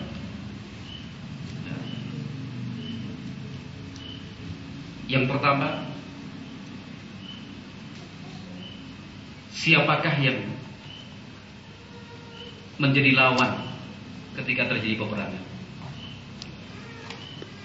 Islam mengatur dan menetapkan bahwa anak-anak, kaum perempuan, mereka yang sudah lanjut usia itu tidak boleh diganggu apalagi dibunuh. Nabi Muhammad pernah marah besar dalam hadis yang disebutkan Imam Muslim rahimahullah di dalam sahih. Beliau marah besar ketika menyaksikan setelah pertempuran kok ada perempuan terbunuh. Itu marahnya luar biasa. Di dalam aturan yang disebutkan di beberapa riwayat, setiap kali pasukan perang itu berangkat, itu sudah diberbesan. Jangan kalian membunuh perempuan, jangan membunuh anak-anak, jangan membunuh yang sudah lanjut usia. Jangan mengganggu mereka yang memang terbukti hanya berkegiatan di dalam gereja, gak ikut-ikutan. taunya cuma ibadat-ibadat misa-misa. Dia tidak ikut-ikutan dalam perang, pertempuran begitu. Kalau misalkan dia ikut perang terlibat, ya memang menjadi musuh. Dalam aturan itu juga disebutkan bahwa yang diperangi itu adalah mereka yang betul-betul menjadi prajurit musuh yang memusuhi dan memerangi kita umat Islam. Artinya, ternyata tidak semua orang kafir itu boleh dibunuh. Berbeda dengan pemikiran dan pemahaman sebagian ya saudara-saudara kita sendirilah yang salah jalan. Karena kita juga tidak mengkafirkan mereka kan. Mereka masih saudara kita tapi salah jalan, salah paham. Sebagian dari beberapa kelompok mereka berkeyakinan untuk boleh membunuh orang kafir di mana pun, kapan pun, siapa pun asalkan kafir. Nah, ini kan akhirnya merusak nama Islam itu sendiri. Padahal kalau aturan Islam kan ternyata yang perempuan, anak-anak, orang tua itu tidak boleh di tidak boleh menebang pohon. Ketika terjadi perang itu, misalkan pasukan Islam berhadapan-hadapan dengan pasukan musuh. Pasukan Islam menang nih, tek, tek, tek, tek, tek, tek, sampai ke wilayah musuh. Pohon dan pertumbuhan yang ada di wilayah orang kafir itu tidak boleh ditebang, dicabut, nggak boleh. Karena tujuan perang itu bukan untuk merusak, bukan untuk merusak. Nah, dibiarkan tetap tumbuh. Ini kan aturan yang sangat luar biasa sekali di dalam Islam. Tidak boleh menyiksa atau mencincang atau mencacat musuh. Musuh yang sudah terluka dirawat. Itu aturan Islam bukan rasakan ya. Rasakan kematian itu dengan merasakan luka-luka itu. Tidak demikian. Musuh yang sudah terluka dirawat. Itu aturan di dalam Islam subhanallah. Nah, sesuatu yang kita anggap atau syariat jihad fisabilillah syariat yang agung dan mulia syariat yang ketika diterapkan dengan benar itu malah menjadi sebab musuh masuk Islam berapa banyak musuh-musuh Islam yang kemudian masuk Islam karena melihat kenyataan berbeda cara berperang antara kaum muslimin dengan mereka yang kafir. Tidak boleh membakar. Dalam perang itu tidak boleh melakukan pembakaran, apalagi kalau yang dibakar itu adalah orang. Nabi Muhammad SAW bersabda, "La yu'adzibu bin nari illa rabbun nar." Hadis Bukhari dari sahabat Ibnu Abbas radhiyallahu. Tidak boleh membakar menggunakan api, menyiksa menggunakan api, kecuali zat yang menciptakan api itu sendiri, yaitu Allah Subhanahu wa taala dalam neraka ini. Misalkan dapat musuh bakar aja, itu tidak diperbolehkan di dalam Islam. Musuh yang sudah tertangkap dan ditawan diperlakukan secara manusiawi.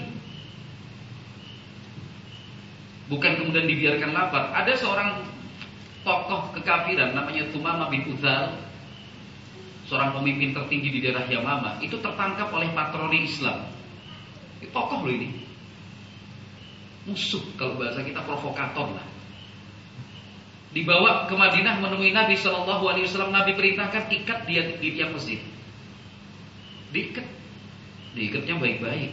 Di tiap masjid begini berat. Kita kalau kita bayangkan di tiap masjid musuh itu diikat ya, cuma mabik Nah, setiap pagi, setiap sore itu ditemui oleh Nabi.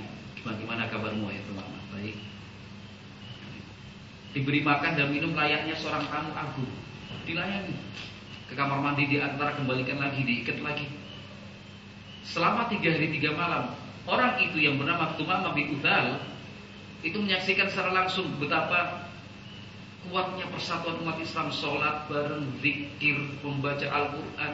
Itu kan dia menyaksikan dan mendengarkan. Nabi Muhammad berbicara memberikan nasihat dan wasiat. Sumama bin Uthal juga ikut mendengarkan, menyaksikan. Oh, akrab suasananya, hidup. Itu disaksikan selama tiga hari tiga malam. Ternyata itulah tujuan Nabi Muhammad mengikat Umamah di tiang masjid agar menyaksikan secara langsung ini loh kehidupan orang Islam. Setelah tiga hari tiga malam, Nabi Muhammad perintahkan Umamah bin Uthal untuk dilepaskan dan dibebaskan. Umamah pergi mandi bersih. Setelah mandi kembali menemui Nabi mengatakan, Ashhadu an la ilaha illallah wa ashhadu annaka Muhammad wa annaka wa ashhadu annaka Rasulullah. Aku bersaksi bahwa tidak ada sembahan yang berhak diibadahi kecuali Allah dan aku bersaksi bahwa engkau betul-betul utusan Allah. Masuk Islam. Padahal orang ini provokator nih, suka mengganggu. Masuk Islam. Kata Tumama bin Uthal demi Allah wahai Nabi. Dulu orang yang wajah yang paling aku benci itu wajah Anda. Sekarang yang paling aku cintai adalah wajah Anda. Negeri yang paling aku benci adalah negeri tempat engkau berada. Sekarang negeri yang paling aku cintai adalah negeri tempat engkau berdiri. Wahai Rasulullah, aku tidak akan berikan satu biji gandum pun kepada orang-orang Mekah kecuali dengan seizin Anda. Karena kota Yamamah itu penghasil gandum. Bahan makanan pokok masyarakat waktu itu. Sebagai pemimpin tidak akan menyerahkan satu butir gandum pun kalau tidak seizin Nabi Muhammad SAW. Ternyata oleh Nabi tidak tidak diperbolehkan artinya Nabi Muhammad tidak seperti itu. Tujuan itu bukan merusak, bukan membinasakan, bukan membunuh, bukan. Itu Islam. Bayangkan Ma'asyiral muslimin jamaah salat Isya Masjid Asy-Syifa rahimakumullah. 23 tahun lamanya Nabi Muhammad menjadi nabi dan rasul. Selama 13 tahun di Mekah tidak pernah terjadi peperangan. Dalam posisi umat Islam ditindas, disiksa, dianiaya, dibolimi, bahkan ada sebagian umat Islam dibunuh. 13 tahun Nabi Muhammad bersabar, sahabat-sahabatnya pun bersabar. Karena permusuhan orang-orang Quraisy semakin hari semakin memuncak, semakin parah. Nabi Muhammad pun diperintahkan berhijrah, sahabat-sahabatnya berhijrah. Dalam rangka apa? Menemukan ketenangan di tempat yang lain dalam beribadah. Artinya, kalau dalam bahasa kita, Nabi Muhammad dan para sahabatnya mengalah. Mengalah kan? Gak mau konflik, gak mau perang, mengalah itu, meninggalkan Mekah, kampung halaman dan tempat kelahiran mereka. Ditinggalkan, jauh perjalanan 6 jam 7, 7 jam kalau sekarang kita menggunakan bis ya kalau kita umrah atau haji kurang lebih 700 sampai 1000 km lah apalagi rutenya waktu itu rute zaman dulu enggak seperti sekarang jalan lebar 8 ruas sampai 10 ruas lenggang ya kan? Pakai auto auto apa namanya driving aja udah bisa kalau dilepas ini. Minum kopi itu bisa. Treknya lurus begitu. Yang pernah haji dan umrah pasti tahu. Itu Nabi Muhammad mengalah. Sudah mengalah orang Quraisy tetap aja ganggu, ganggu, ganggu. Kemudian perang pertama yang terjadi itu tahun kedua Hijriyah. Berarti tahun ke-15 setelah Nabi Muhammad berdakwah. Bayangkan berapa belas tahun itu nggak ada perang. Bukti bahwasanya Islam itu diturunkan Allah bukan untuk merusak, bukan untuk membinasakan, bukan untuk apa namanya uh, menimbulkan kekacauan, bukan tapi kedamaian. Perang terjadi itu tahun kedua Hijriah. Sampai Nabi Muhammad SAW meninggal dunia, berarti kurang lebih masa perang itu 8 tahun. Begitu ya? Karena Nabi Muhammad kan berdakwah itu di Madinah 10 tahun ya. Kemudian beliau wafat sallallahu alaihi wasallam. Jadi selama 8 tahun selama 8 tahun ahli sejarah menghitung korban yang tewas kalau bahasa kita gitu ya. Korban yang meninggal dunia disebabkan atau diakibatkan perang yang terjadi antara umat Islam dengan musuh-musuhnya tidak lebih dari seribu orang. Saya ulang kembali, selama delapan tahun itu, Pak Taryono, selama seribu eh seribu tahun, selama delapan tahun itu korban yang meninggal dunia baik dari kalangan umat Islam maupun orang-orang kafir tidak lebih dari seribu orang. Sukses berhasil, Islam menyebar ke mana-mana. Artinya Islam itu tujuannya bukan merusak kan, bukan membinasakan. Coba sekarang bandingkan dengan komunis.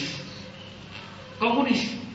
Nah, 50 juta orang itu jadi korban komunisme di Cina yang dipimpin dan dikoordinir oleh Mao Zedong atau Mao Zedong.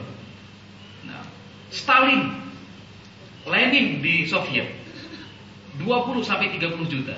Yang bilang bukan kita, justru lembaga-lembaga hak asasi dan kemanusiaan dunia. Mereka yang mencatat kita mah biasa-biasa aja. Pol Pot di Kamboja dua setengah juta.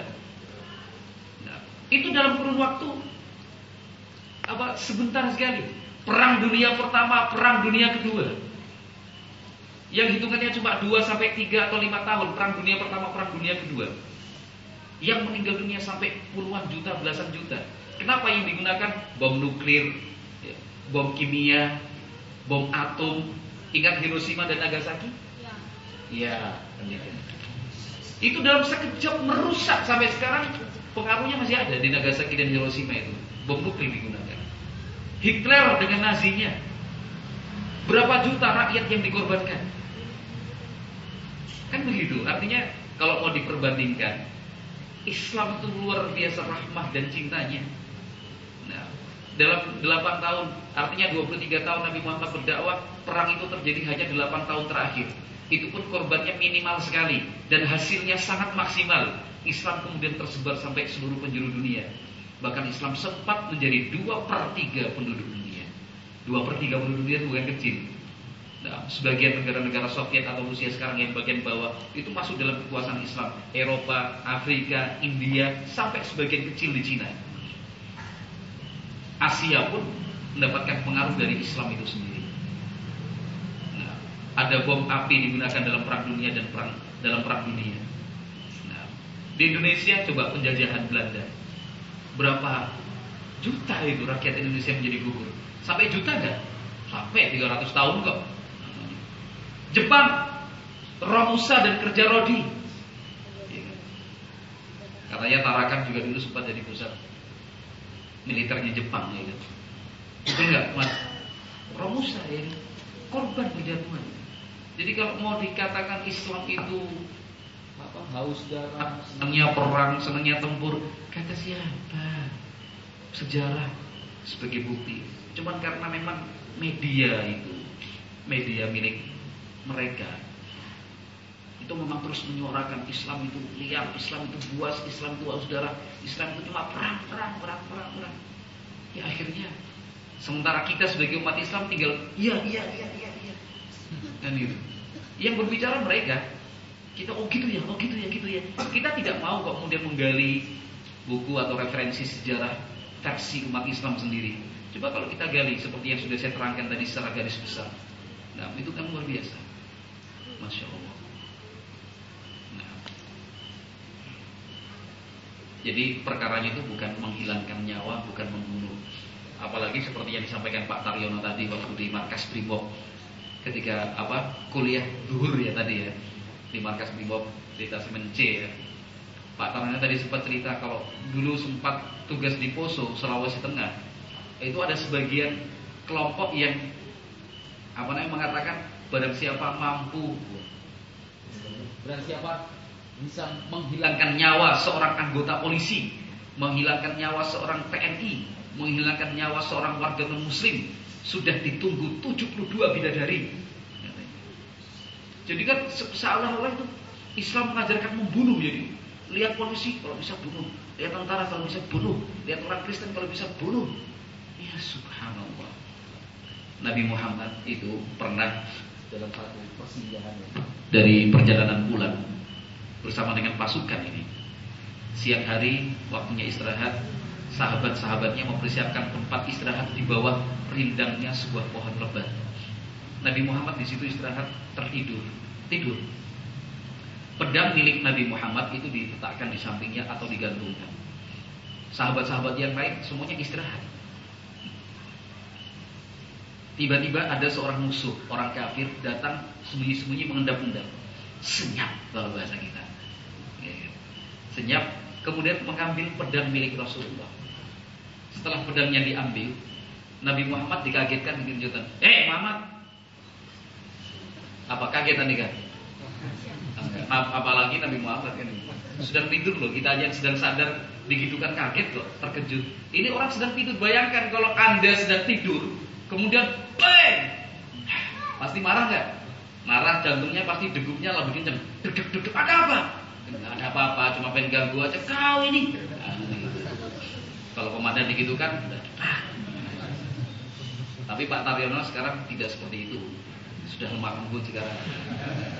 Setelah paham Islam itu begitu Pak Taryono ya, iya, jadi komandan harus yang lemah lembut, yang sayang. Gitu, gitu anggotanya senang nih. Itu Nabi Muhammad dikejutkan dengan pedang tajam itu. Hei, bangun! Tapi Rasulullah itu kan orang yang paling beriman dan paling bertakwa. Jadi kekuatan iman dan takwa itu membuat beliau selalu tenang dalam setiap kondisi dan situasi. Orang kalau sudah apa namanya imannya lemah itu selalu bimbang, selalu ragu, selalu gimana gimana gimana hukum gitu. Kalau orang yang beriman bertakwa dia apa yang dia takutkan? Yang dia takutkan hanya Allah Subhanahu wa taala. Tidak ada yang dia takutkan. Kalau tidak ada yang ditakutkan pasti orang itu tenang kan begitu. Diancam begitu Nabi Muhammad bangun senyum. Ini padahal ujung pedang tajam itu sudah di ulu hati Nabi ini. Kan gitu. Udah masuk tertusuk. Muhammad, kalau udah seperti ini siapa yang akan membela kamu? Ayo. Macam-macam kamu ya kalau bahasa kita kan itu. Siapa yang akan membela kamu kalau kayak gini? Nabi Muhammad senyum sambil mengatakan Allah yang akan. Melihat ketenangan Nabi Muhammad dan kekuatan beliau itu dalam menjawab. Orang kafir itu malah gemetar. Wah, kita kan juga seperti itu. Kalau misalkan kita menghadapi orang yang tenang yang luar biasa, kita pasti grogi sendiri tuh. Pasti grogi sendiri. Apa tenang dia apa-apain? Hmm, kita udah, waduh orang ini berisi nih. Orang itu yang justru ketakutan, pedangnya jatuh. Nabi Muhammad gantian ngambil pedangnya, diarahkan lagi. Orang itu kan berdiri Nabi Muhammad terduduk. Diarahkan kepada orang itu. Nah, sekarang gantian. Kalau sudah seperti ini, yang mau membela kamu siapa? Tapi dengan penuh kelemah lembutan. Orang itu, maafkan saya Muhammad, maafkan saya Muhammad. Nabi Muhammad kemudian mengajaknya masuk Islam, tapi dia tidak mau. Lalu Nabi Muhammad membiarkan dia pergi. Kalau begitu silahkan kau pergi, kau bebas. Orang itu berjanji, ya Muhammad, aku berjanji tidak akan memerangimu, aku juga berjanji tidak akan membantu orang lain memerangimu. Orang itu kemudian pergi. Apa kurang sebagai bukti ini? Lihat artinya dalam posisi seperti itu, kira-kira wajar atau tidak kalau kemudian Nabi Muhammad ngambil pedangnya terus membela diri kemudian orang itu terbunuh, wajar nggak? Karena membela diri. Wajar membela diri. Wong kok dibunuh kok, sudah diancam ini. Tapi oleh Nabi Muhammad dimaafkan, dibiarkan pergi. Orang kafir loh ini, yang jelas-jelas memusuhi. Dibiarkan pergi, silakan pergi. Luar biasa. Nah ini kok ada orang kafir lewat di Poso misalkan. Tangkap, tangkap. Digorok itu sambil di video, kemudian disebarkan di YouTube seperti yang dilakukan oleh ISIS Al-Qaeda dan yang lain. Ini sadis ini. Kok kemudian di atas la ilaha illallah, la ilaha illallah yang mana yang mengajarkan itu? Allah tapi Allah dan gitu kalau isi sama Al-Qaeda itu. Ada yang apa namanya dimasukkan dalam jeruji besi ya kemudian dibakar itu. Tadi sudah kita sebutkan hadisnya nggak boleh itu membakar. Seperti ISIS itu. Ada lagi yang dimasukkan di dalam apa jeruji besi kemudian kerangkeng itu dimasukkan ke dalam air. Mati dalam keadaan sebulan gak bisa apa-apa. Gak boleh seperti itu. Itu bukan ajaran Islam. Kalau ajaran Islam seperti yang dicontohkan Nabi Muhammad tadi orang yang jelas-jelas mau membunuh saja itu dimaafkan Nabi. Sallallahu Alaihi Wasallam.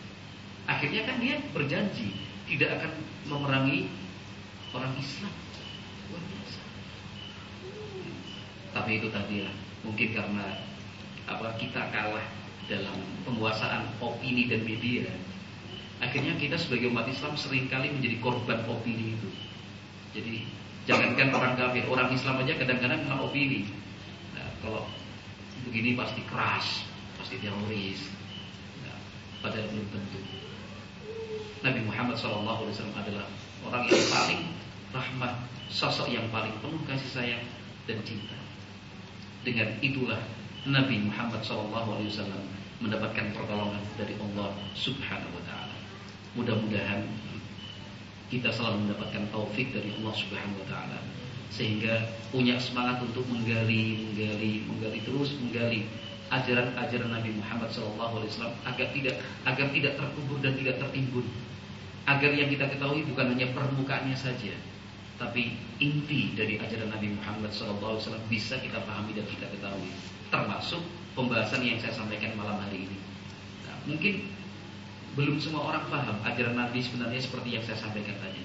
Padahal masih banyak hal-hal lain yang perlu kita ketahui dan kita pelajari hakikatnya dari ajaran Nabi Muhammad SAW.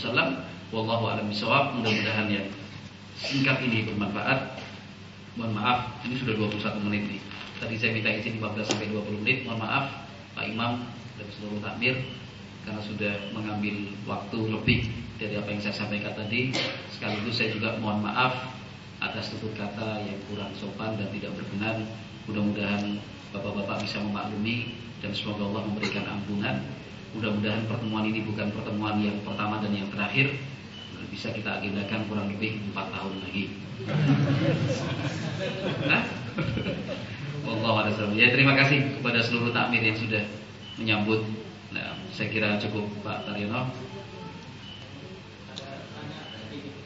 Uh, yang tanya kok Pak Taryono mana? Ini yang sudah